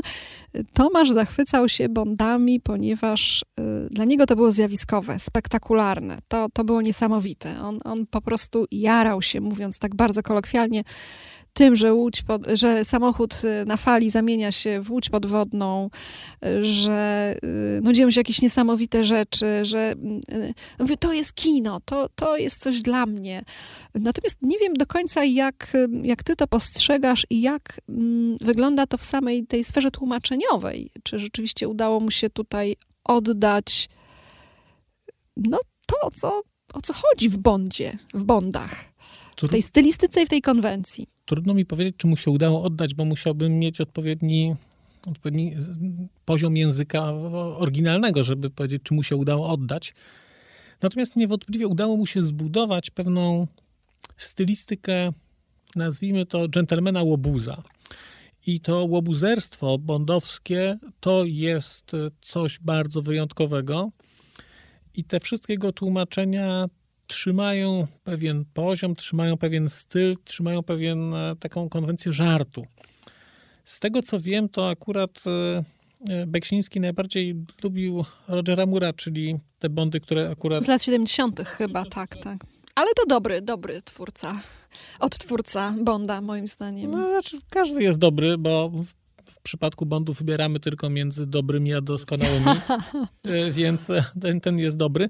Natomiast rzeczywiście Rzeczywiście e, filmy z e, Rogerem Murem, samochód zmieniający się w łódź podwodną, to jest z filmu Szpieg, który mnie kochał bodajże. E, no to jest taki, no to jest taki festyn, Chryste Panie, znaczy akurat najsłabszą rzeczą w tych Bondach są takie te historyjki, aczkolwiek jeżeli są Państwo fanami, to warto zwrócić uwagę, że w filmach z Rogerem Murem pojawia się zawsze, jest przynajmniej jedna scena, w której mur wyjeżdża, albo wyjeżdża z jakimś pojazdem na ląd z wody, czy to jest w Wenecji taką gondolą, poduszkowcem i zawsze jest taka scena, że przygląda mu się człowiek, który e, pije wino i patrzy na wino na tego Bonda wyjeżdżającego samochodem z wody i na wino i mówi, że chyba więcej nie będzie pił. I to jest ja, ale to jest taka specyfika akurat Bondów. E, takie z, fajerwerki trochę. Takie z Rogerem Murem i to, bo one są takie, zwłaszcza te późniejsze, już prawie pod pastisz pod, podpadały. Ale rzeczywiście, jako e, miłośnik Bondów, po śmierci Beksińskiego miałem dużo obawy. Chodzi jak, ci o poziom tłumaczenia. Tak, jak, jak te rzeczy. Czy sprostają? Tak, jak te rzeczy będą tłumaczone, dlatego że tam jest mnóstwo rzeczy na poziomie żartów językowych, ale takich, że albo się czuje tę konwencję co powiedziałby Bond, czy co zrobiłby Bond, albo się nie czuje po prostu tej konwencji. I wtedy ten film staje się zwykłym filmem, bo jeżeli z filmów bondowskich zdjąć konwencję, no to to będą takie... Tanie kino akcji. To będzie, będzie tanie kino akcji. To jest, znaczy urok tych filmów polega na konwencji, na ciągłym tak, tak. tych samych Myślę, że tematów. trzeba o tym to... pamiętać. Mm, I też mi się przypomina, i ty też możesz, Marcin, mnie poprawić, to znaczy poprawić w sensie, czy ja dobrze y, to postrzegam, bo przypomina mi się jeden felieton Tomasza, w którym on y, coś tam wspominał o Bondach i mm, o tym, że któraś z jego koleżanek chyba zarzuciła mu, że Bondy są takie strasznie szowinistyczne. I no, chciałabym tutaj się ciebie zapytać, jak ty, czy to też w tej konwencji należy postrzegać, bo ja na przykład no, jestem trochę może przewrażliwiona na, na jakieś szowinistyczne zagrania gdziekolwiek, no jakoś tak traktuję bardzo konwencjonalnie Bondy i potrafię mieć fan z oglądania tego, tylko nie jestem jakąś wielką miłośniczką, no powiedzmy tak jak ty, tak? Czy tutaj ta, ta uwaga Tomasza właśnie, y, ty, ty byś jakby postrzegał to jako, mm, że można tak myśleć, że, że tu faktycznie y, jest jakiś mm, pewna dwuznaczność? To znaczy, bondy są, to jest cykl, cykl, który ma lat 50 i jest dzieckiem swoich czasów. I były czasy, kiedy one były rzeczywiście e, takie szowinistyczne, może w sposób nie jakiś taki złośliwy, ale po prostu tak ludzie do tego podchodzili. I teraz, kiedy się ogląda te starsze Bondy, kiedy Sean Connery e, klepie partnerkę e, w pupę, powiedzmy. To rzeczywiście mhm. In See You Later Alligator, to rzeczywiście jest to poza granicą smaku obecną, ale było w konwencji tego, jak wyglądało kino pierwszej połowy lat 60., czy nawet 70 jeszcze w latach 70. te bondy są bardzo takie, no jest przecież Live and Let Die, mm, który w tej chwili w ogóle jak się na to spojrzy, to jest taki bond e, z Rogerem Murem, chyba pierwszy z Rogerem Murem, z muzyką e, Paula McCartneya, z tytułową piosenką, którą zresztą wykonuje Guns N' Roses, świetnie wykonują, Live and Let Die. I tam jest całość zbudowana na opozycji biali-czarni, to znaczy wszyscy źli bohaterowie to są, e, to są czarni w Stanach, mhm. E, teraz się nie, nie można mówić słowo murzyn, więc to nie są murzyni, tylko afroamerykanie to są. Ciemnoskórzy. Ciemnoskórzy, tak. I na przykład kiedyś to było, znaczy w tej chwili sobie w ogóle nie wyobrażam zrobienia czegoś takiego. Z drugiej strony widać, jak to ewoluuje. Widać, jak rozwijają się postacie e, kobiece w Bondach, jak e, Bondy stają się coraz, nazwijmy to, dojrzalsze. No teraz będzie bardzo ciekawe trochę zadanie zbudowania Bondów na nowo po tym, co zrobił, jak przedefiniował tę estetykę jak przedefiniował estetykę cykl z Danielem Craigiem, który, mhm. który to jest właściwie bardzo poważne kino, takie naprawdę poważne kino z poważnymi problemami i takie, no ludzie się zastanawiają, gdzie... Zaangażowane. Zaangażowane, gdzie tu jest Bond tak naprawdę, no tak, bo tak, no jest... właśnie, no właśnie, ale to ja myślę, bo tak patrząc na Tomasza i już po tych książkach biograficznych, y, to ja bym bardzo traktowała jakby to, co, no to Myślę, że w Bondzie zawsze była piękna kobieta. k- nadal no, jest, wiadomo, ale myślę, tak, że, i- myślę, że Craig by ale- się nie podobał Tomaszowi. Myślę, Myślisz? że, myślę, że Craig by się Bo, nie bo podobał. patrząc po, po książkach o Tomaszu, wiem też, jaki był jego stosunek do kobiet. Wiem, że on był, no, był zafascynowany kobietami, kobiecością. Był wielkim też przyjacielem, miał wiele przyjaciółek i, i Bondy było, były czystą konwencją dla niego. Jakby absolutnie żadnych wzorców na swoje życie osobiste, jeśli chodzi o traktowanie kobiet, nie przenosił z kina. Stąd, stąd no, taki zabawny fragment. Też pamiętam to po prostu, że to tak mocno wybrzmiało z, z jego felietonu, że wręcz on się poczuł urażony tym, że jakieś właśnie tutaj jego znajome y, wypominają, że, że, że tłumaczy jakieś... Nie wiem, czy tam padło właśnie, czy seksistowskie kino, czy, czy szowinistyczne jakieś To kino. znaczy, ale jakiś taki był bardzo wątek. Wierzę, y, że jeżeli się nie zna tego kontekstu i spojrzeć na, na te filmy teraz, tak jak są nakręcone, no to rzeczywiście te starsze Bondy, no to są pod tym względem, no powiedziałem, tragedia. No. To znaczy, jak ktoś jest koneserem, to po prostu odrzuci to, no bo to po prostu tak było, tak się robiło kino i tak dalej. Ale to nie zmienia faktu, że to jest, to jest e, specyficzne. Aczkolwiek jak jeszcze sobie myślę, jak Tomasz szukał prawdziwej miłości, to nie wiem, jak odebrałby te dwa ostatnie filmy Mhm. z Craigiem, gdzie akurat ten wątek prawdziwej miłości bardzo mocno wybrzmiewa i no, jest posunięty do, do granic właściwie tego, co da się w tym filmie pokazać. A to mogłoby mu się spodobać. To mogło- jeżeli to mogło, jeżeli tak. to poważnie zostało potraktowane, Tak. czy jakoś tak z Tak, to zostało po, pewną po, głębią, to... potraktowane najpoważniej jak się dało, bo to jest miłość posunięta do, do granicy ostatecznej. Mm, Ale z drugiej strony, no tam brakuje tego, co Beksiński Lubił. bardzo cenił w Czyli te Bondach, fajerwerki. czyli fajerwerki, a przecież e, już e, bodajże w drugim Bondzie z Craigiem e, Q mówi, dając, dając Bondowi pistolet i, i, radio, mówi, spodziewałeś się wybuchających długo, długopisów? Już się w to nie bawimy. Ale wydaje mi się, że ten cykl e, właśnie domknął się z postacią Krega, z taką poważną postacią i że teraz e, trzeba będzie zrobić coś, coś nowego. Wiem, że Tomasza przerażała chyba idea tego, że Bond będzie, nie, nie będzie rasy białej. E, Tak, tak. Tomasz Prost mówił, że czasy się kończą. Podzielam tę Czasy obawę. się, czasy się kończą, ale ja bym tu ucięła już y, te dyskusje związane z, z Bondem, bo y, poważnie się zrobiło. To ja bym mówimy, tylko- mówimy, mówimy o miłości. E, przeszłabym do czegoś zabawniejszego. Dobrze, ale to w takim razie, jak domykamy Bondy, to ja myślę, że, że warto byłoby jeszcze mm, muzycznie domknąć Bondy. Skyfall poproszę. I myślę, że to będzie właśnie Skyfall. Myślę, że Skyfall y, by się stylistycznie, ta piosenka by się Tomaszowi bardzo podobała, bo to jest jedna z najbardziej klasycznych piosenek bondowskich. I jeszcze druga piosenka, którą miałem z tyłu, i, bo to jest Bond, na którego wydaje mi się y, już się Beksiński nie załapał tłumaczeniem.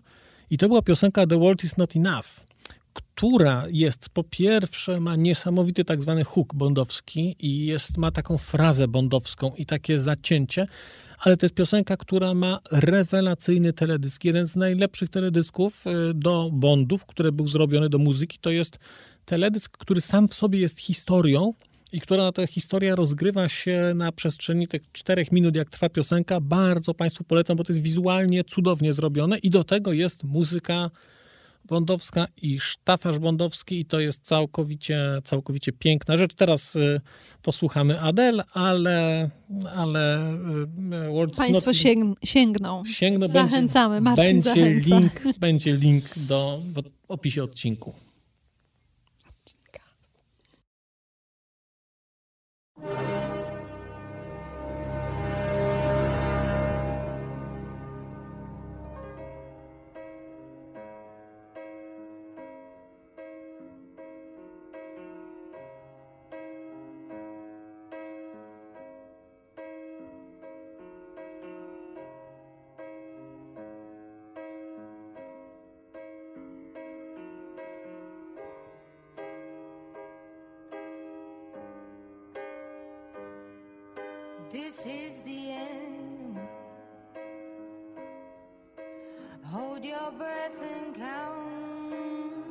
Count to ten. Feel the earth move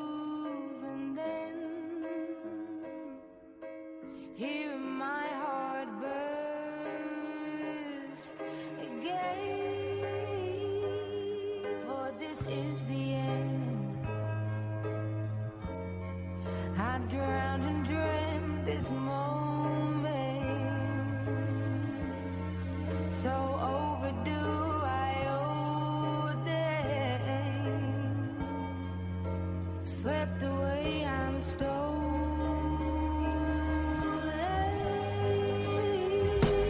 Let the sky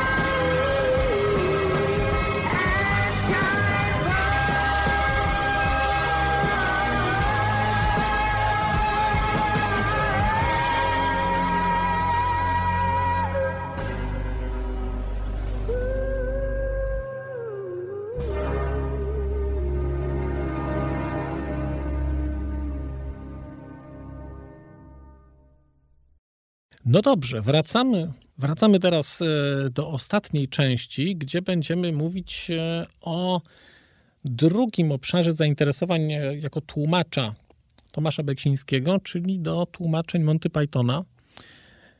I może teraz ja otworzę, też tak jak poprzednio zamykałem. Bardzo proszę, I bym powiedział, że też pamiętam pierwszy raz, ja nie wiedziałem, że to był Tomasz Beksiński, ale pamiętam, był rok, to była pierwsza klasa liceum, to był rok 1988 i na zajęciach z wychowania technicznego mieliśmy tam wideo i na wideo ktoś, wideo i na wideo ktoś przyniósł kasetę i to był żywot Briana.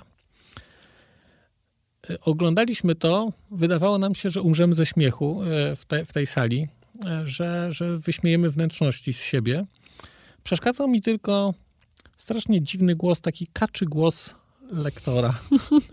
Czytał Tomasz Beksiński. No piękne. To tylko małą dygresję sobie pozwolę zrobić, kiedy Marek Niedźwiecki wspominał y, Tomka Beksińskiego, y, chyba w książce albo Magdy Grzebałkowskiej, albo Wiesława Wajsa.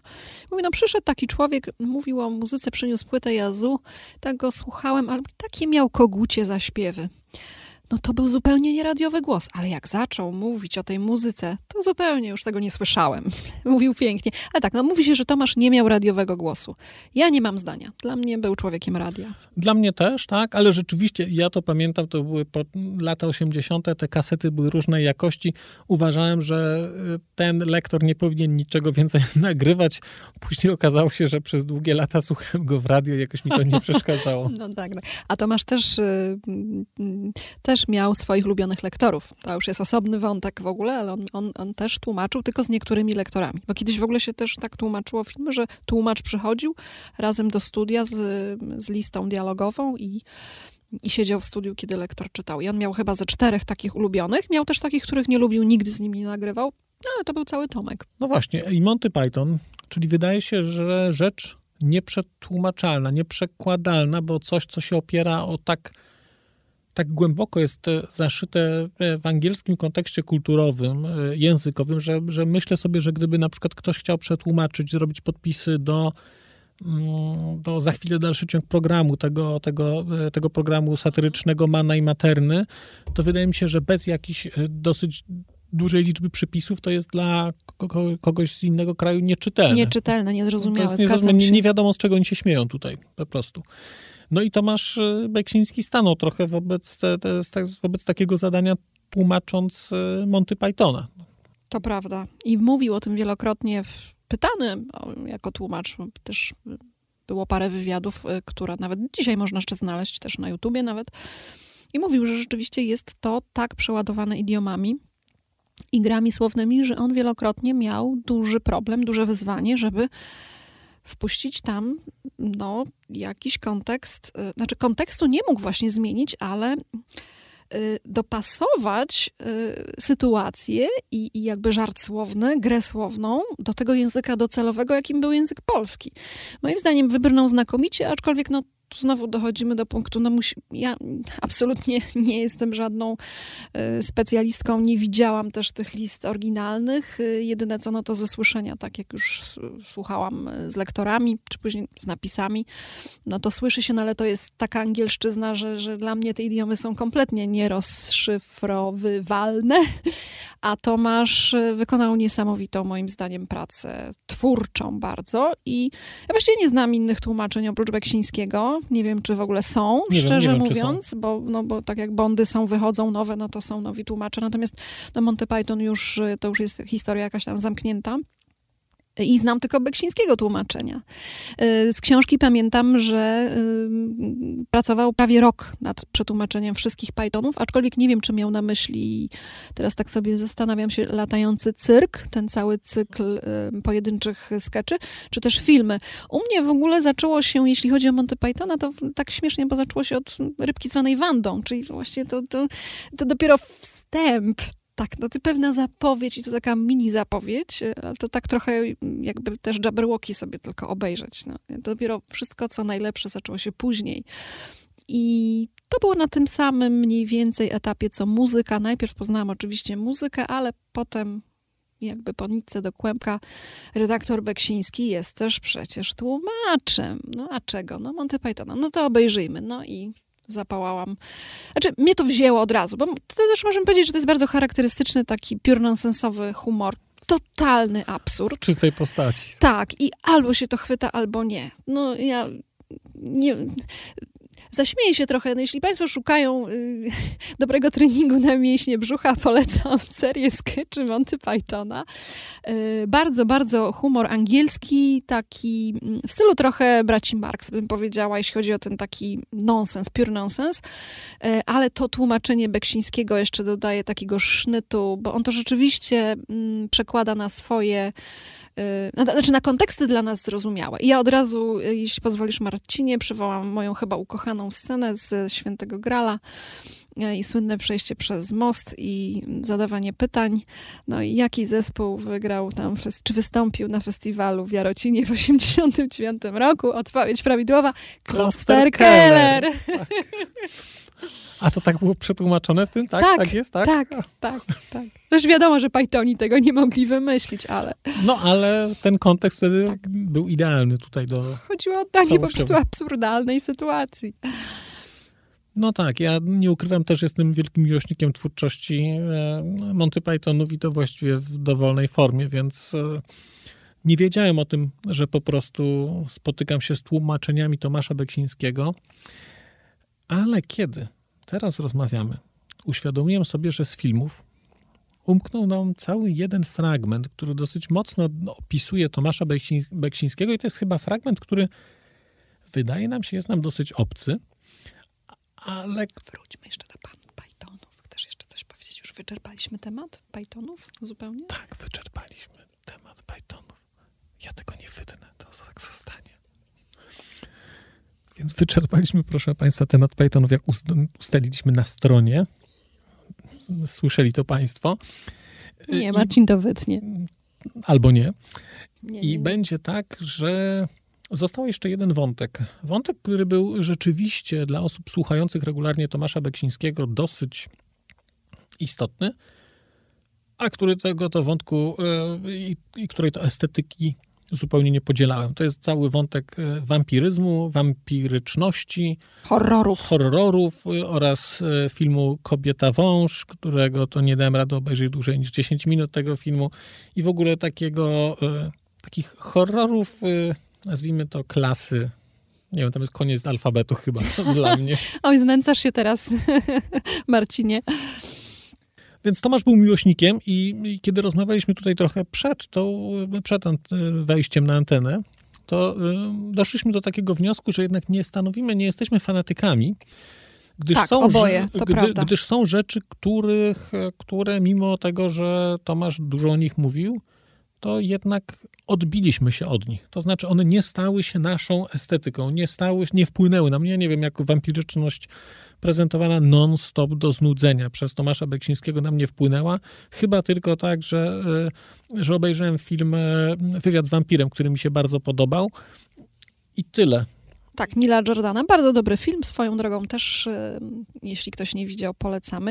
Zgadzam się, też tego nie podzielam. Jest jedyny film, który mm, Tomasz bardzo polecał i który ja bardzo lubię. I lubię też twórczość tego reżysera. Mówię tutaj o Herzogu i o y, Nosferatu. To ja się podpisuję, tak, bo to jest rzeczywiście bardzo Z dobry Klausem film. Kińskim i Izabel Adjeni, Tak, która jest, podobno grała... mm, ma tam pod- chyba 17 lat, czy 18. Jest, z tak, 79 jest roku. tak młoda, że wygląda jak dzie, dzie- dziecko, ale cały... A ona, ile ma lat wtedy? tak, Tak, film jest z 79. Yy, tak, i jest, podobno była w stanie hipnozy, takie krążą opowieści, kiedy grała tę rolę. Natomiast film jest inspirowany mm, oczywiście tym y, mm, Nosferatu, Symfonią Grozy z 1922 roku, Murnała.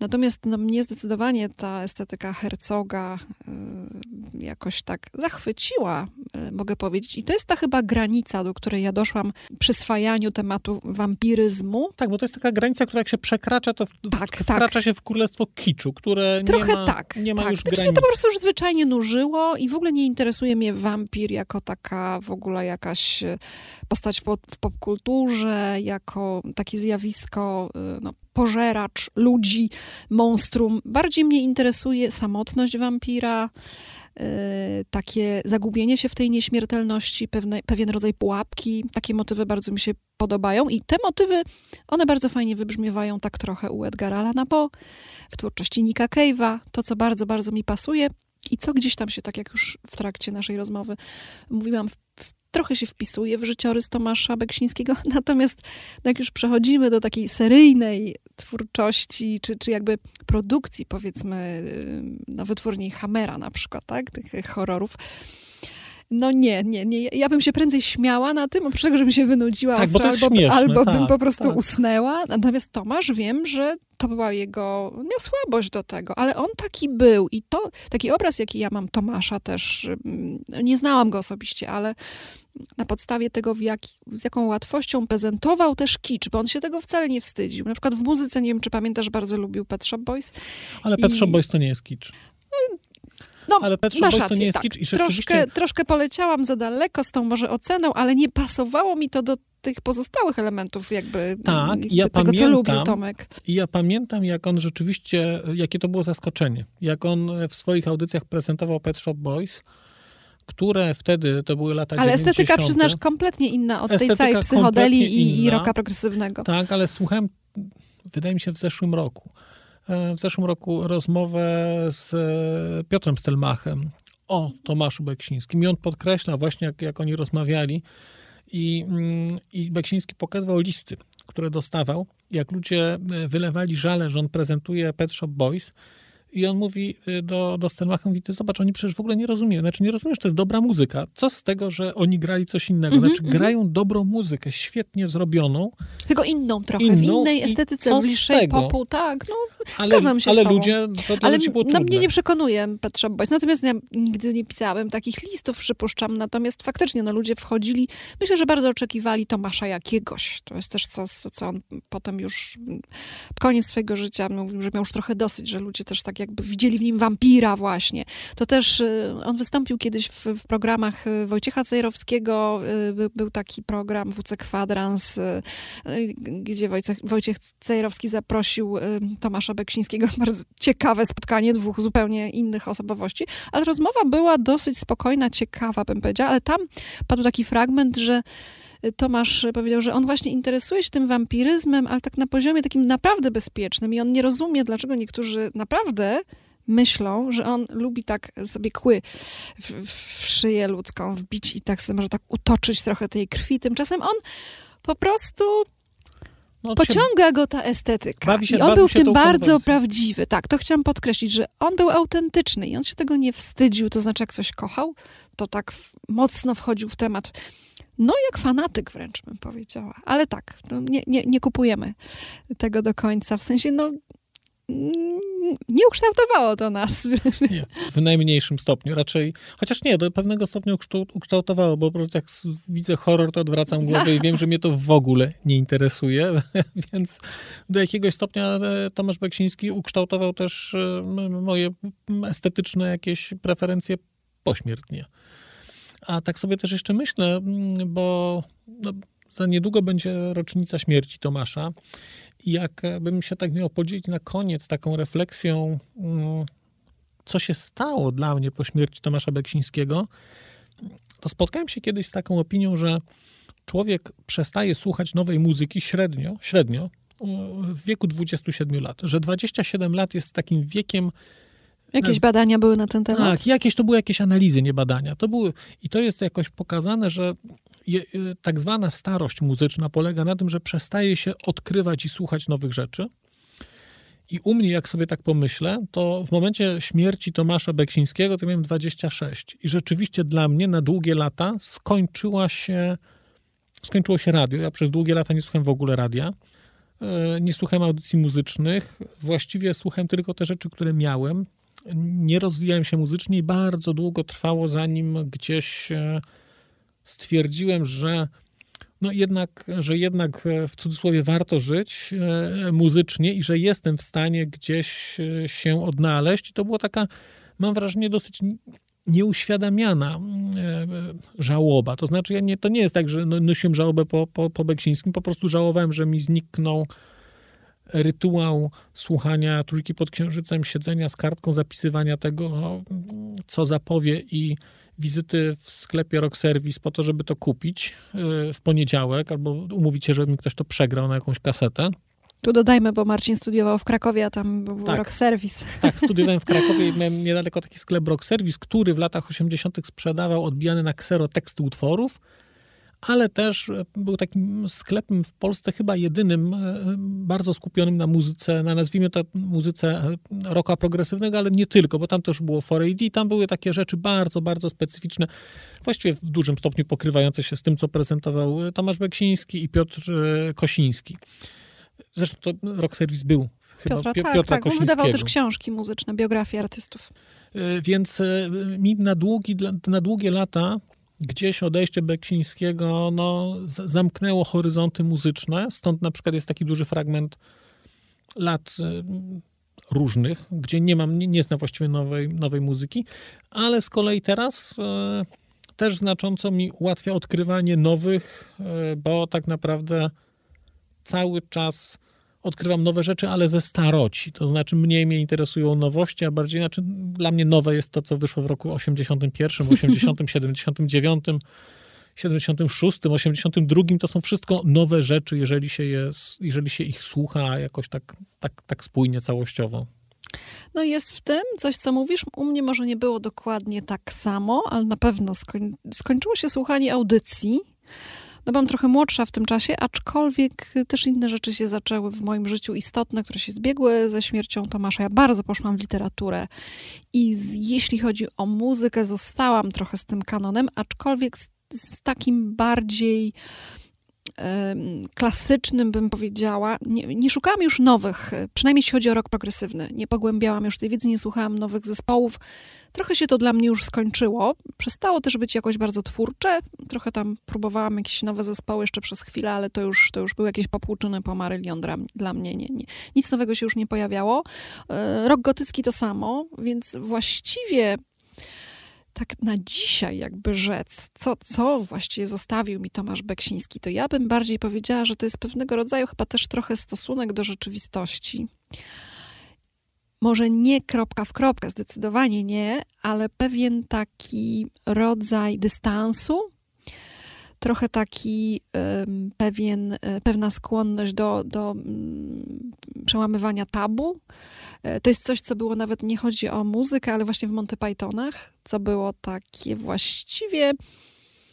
e, No, żartować można ze wszystkiego, z każdej sytuacji, nawet z, z rzeczy, które dla innych mogą być bardzo ważne. Oczywiście gdzieś tam z zachowaniem jakiejś granicy rozsądnej, Mhm. natomiast pewnego rodzaju odwaga i takie trochę mm, nie banie się, żeby y, wy- wymykać się stereotypom. To, to, to z osobowości Tomka przeszło i, i gdzieś tam czegoś się chyba nauczyłam też. Myślę, że też ukształtował mnie w taki emocjonalny sposób. No i, i na pewno została ze mną, to na pewno twórczość Nika Cave'a. To, to jakby, zwłaszcza te płyty Let Love In, Murder Ballads i The Boatman Call. Ostatnie płyty trochę mniej, te trzy najbardziej, to, to tak bardzo mocno z Tomkiem się wiążą, ale do nich wracam bardzo często.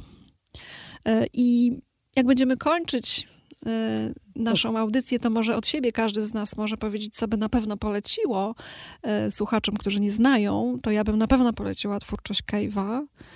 Poleciłabym Monty Pythona, poleciłabym na pewno e, Żywot Briana, zdecydowanie. Mm, I poemat Kruk od siebie. A resztę to już jak państwo, bo to muzycznie to, to, to, to już tak dużo powiedzieliśmy, że Tak. coś, coś trzeba wybrać. Ale bardzo ciekawą rzecz powiedziałaś przed chwilą, mówiąc, że, że słuchałaś rzeczy i to były jakieś popłuczyny po czymś. I mm, mam wrażenie, że bardzo rzadko docenia się pracę redaktorów muzycznych. I jakiś czas temu, wydaje mi się, że w zeszłym roku gdzieś to było jakoś tak, e, słuchałem jakiejś rozmowy z Markiem Niedźwieckim e, w, w, już w Radiu 357 i on mówił, że praca redaktora muzycznego polega na tym, że bierze się płytę i z tej płyty wybiera się dwa albo trzy dobre utwory najlepsze po to, żebyście państwo nie musieli słuchać wszystkiego. I właśnie to jest to, o czym Ania mówiłaś, to mam wrażenie, że to jest istota tej pracy, że człowiek trafia, trafia na rzeczy, na, na, no nie chcę powiedzieć, że śmieci, ale na rzeczy gorszej jakości. W tym są perły i tak naprawdę jak brakuje takich ludzi... Nikt ich nie przebiera dla nas. Tak, jak brakuje takich ludzi jak Tomasz Beksiński, to nie trafia się na te najlepsze utwory, które wprowadzają w coś, tylko trafia się na rzeczy powiedzmy przeciętne, gdzie po prostu brakuje tego czegoś, co skłania, żeby, żeby eksplorować jakiś, jakiś obszar, jakiś wątek, jakiś, jakiś fragment dyskografii, cały, cały kierunek muzyczny.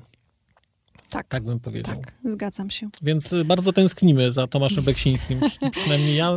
Tak, ale- i ja mam taki pomysł na koniec. Y, W ogóle chciałam jeszcze powiedzieć, że oboje przeczytaliśmy y, dwie książki o Tomaszu Beksińskim, które ja wspominam w naszej rozmowie wielokrotnie, czyli Magda Grzebałkowska. Tę książkę to ja już dawno czytałam, natomiast w ostatnim czasie czytałam y, Wiesława Weissa.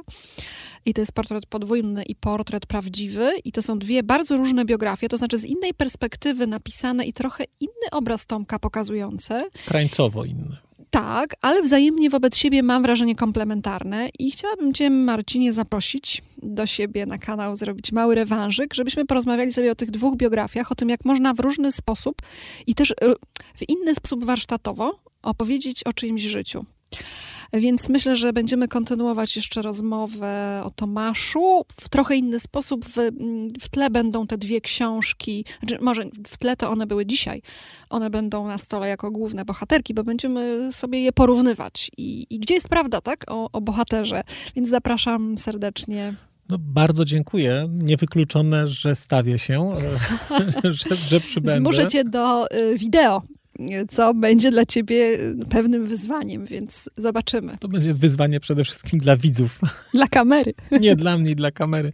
Tak, ale rzeczywiście rozmowa o tych książkach e, będzie, będzie interesująca, w szczególności dlatego, że gdzieś w tle cały czas pojawiał się, pojawiał się dzisiaj ojciec. Tak. Pojawiał się Zdzisław, Zdzisław Beksiński. Który... I myślę, że warto zestawić. Tak, i to jest tak, że ja też mam jakiś tam osobisty stosunek do Beksińskiego, bo kiedyś mi się to malarstwo podobało, potem mi się przestało podobać, a jednocześnie jestem całościowo ujęty tą postacią i w ogóle y, po książkach jestem, no i chcę powiedzieć, że zakochany w Zdzisławie Beksińskim, ale podzielam większość poglądów jego, które są tam wyrażone, pokazane w filmie, który, co do, może to o tym powiedzmy jeszcze na koniec może, że film, który, jeżeli oglądaliście Państwo film Ostatnia Rodzina, to nie chcę powiedzieć, że ten film jest nieprawdziwy. Natomiast sposób gry e, Dawida Ogrodnika jest e, no, mam wrażenie, nieco podkręcający pewne wątki.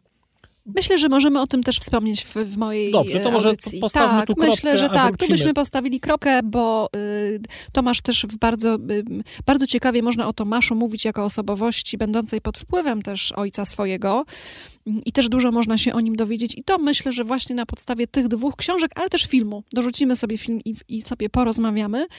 A chciałem na koniec zaproponować, skoro tak dużo już było mowy o, o, o Nikolasie Edwardzie Cave'ie, zaproponować bardzo piękny utwór o bardzo pięknym tytule Death is not the end z płyty Murder Ballads, do którego to utworu Nick Cave zaprosił muzycznych przyjaciół, żeby wybrzmiał na koniec y, tej naszej dzisiejszej rozmowy, spotkania i myślę, że fajnie się wpisuje też w cały kontekst Tomka, którego wspominamy. Tomasza Beksińskiego, Death is not the end, Nick Cave i przyjaciele. Tak, dodajmy tylko, że rzeczywiście fakt, że rozmawiamy tutaj i że e, ponad 20 lat e, po śmierci e, dwójka ludzi spotyka się, żeby porozmawiać o tym, jak wpłynął na ich życie człowiek, który 20 lat temu odszedł, to wydaje mi się, że jest znaczące i rzeczywiście that is not the end, tak można byłoby powiedzieć. Więc żegnamy się z Państwem. Pozostajemy, pozostawiamy Państwa z muzyką. Za uwagę dziękuję Ania i dziękuję Marcin i do usłyszenia, a tymczasem Nick Cave.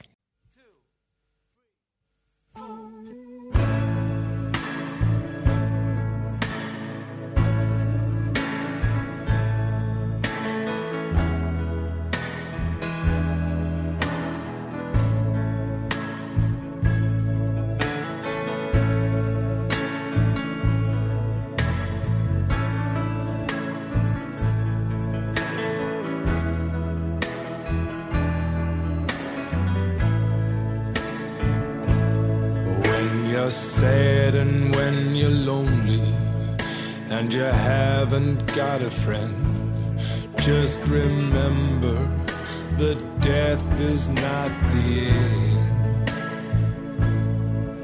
and all that you held sacred falls down and does not mend. Just remember that death is not the end.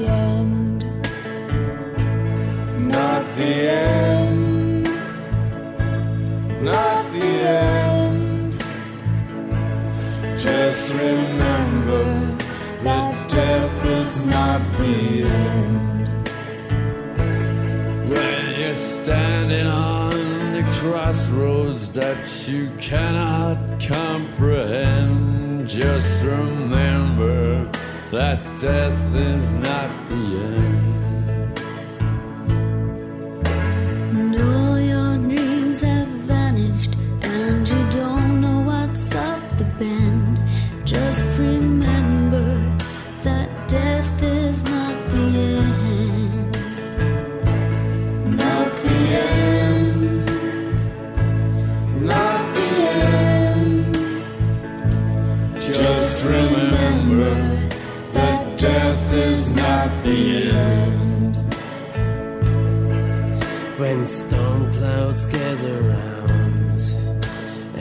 Heavy rains descend, just remember that death is not the end. And there's no one there to comfort you with a helping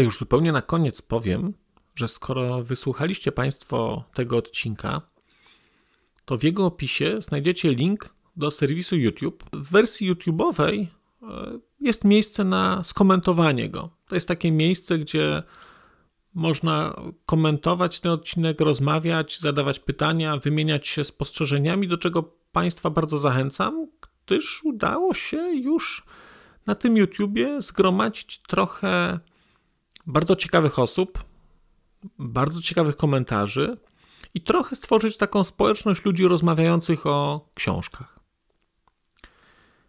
Też na koniec, zupełnie na koniec, e, poproszę Państwa o wystawienie oceny mi w ramach e, tych platform podcastowych, na których Państwo tego odcinka wysłuchaliście. I nieważne jaka ta ocena będzie, istotne dla mnie po prostu, że będzie. Tymczasem się żegnam już naprawdę i do usłyszenia za czas jakiś.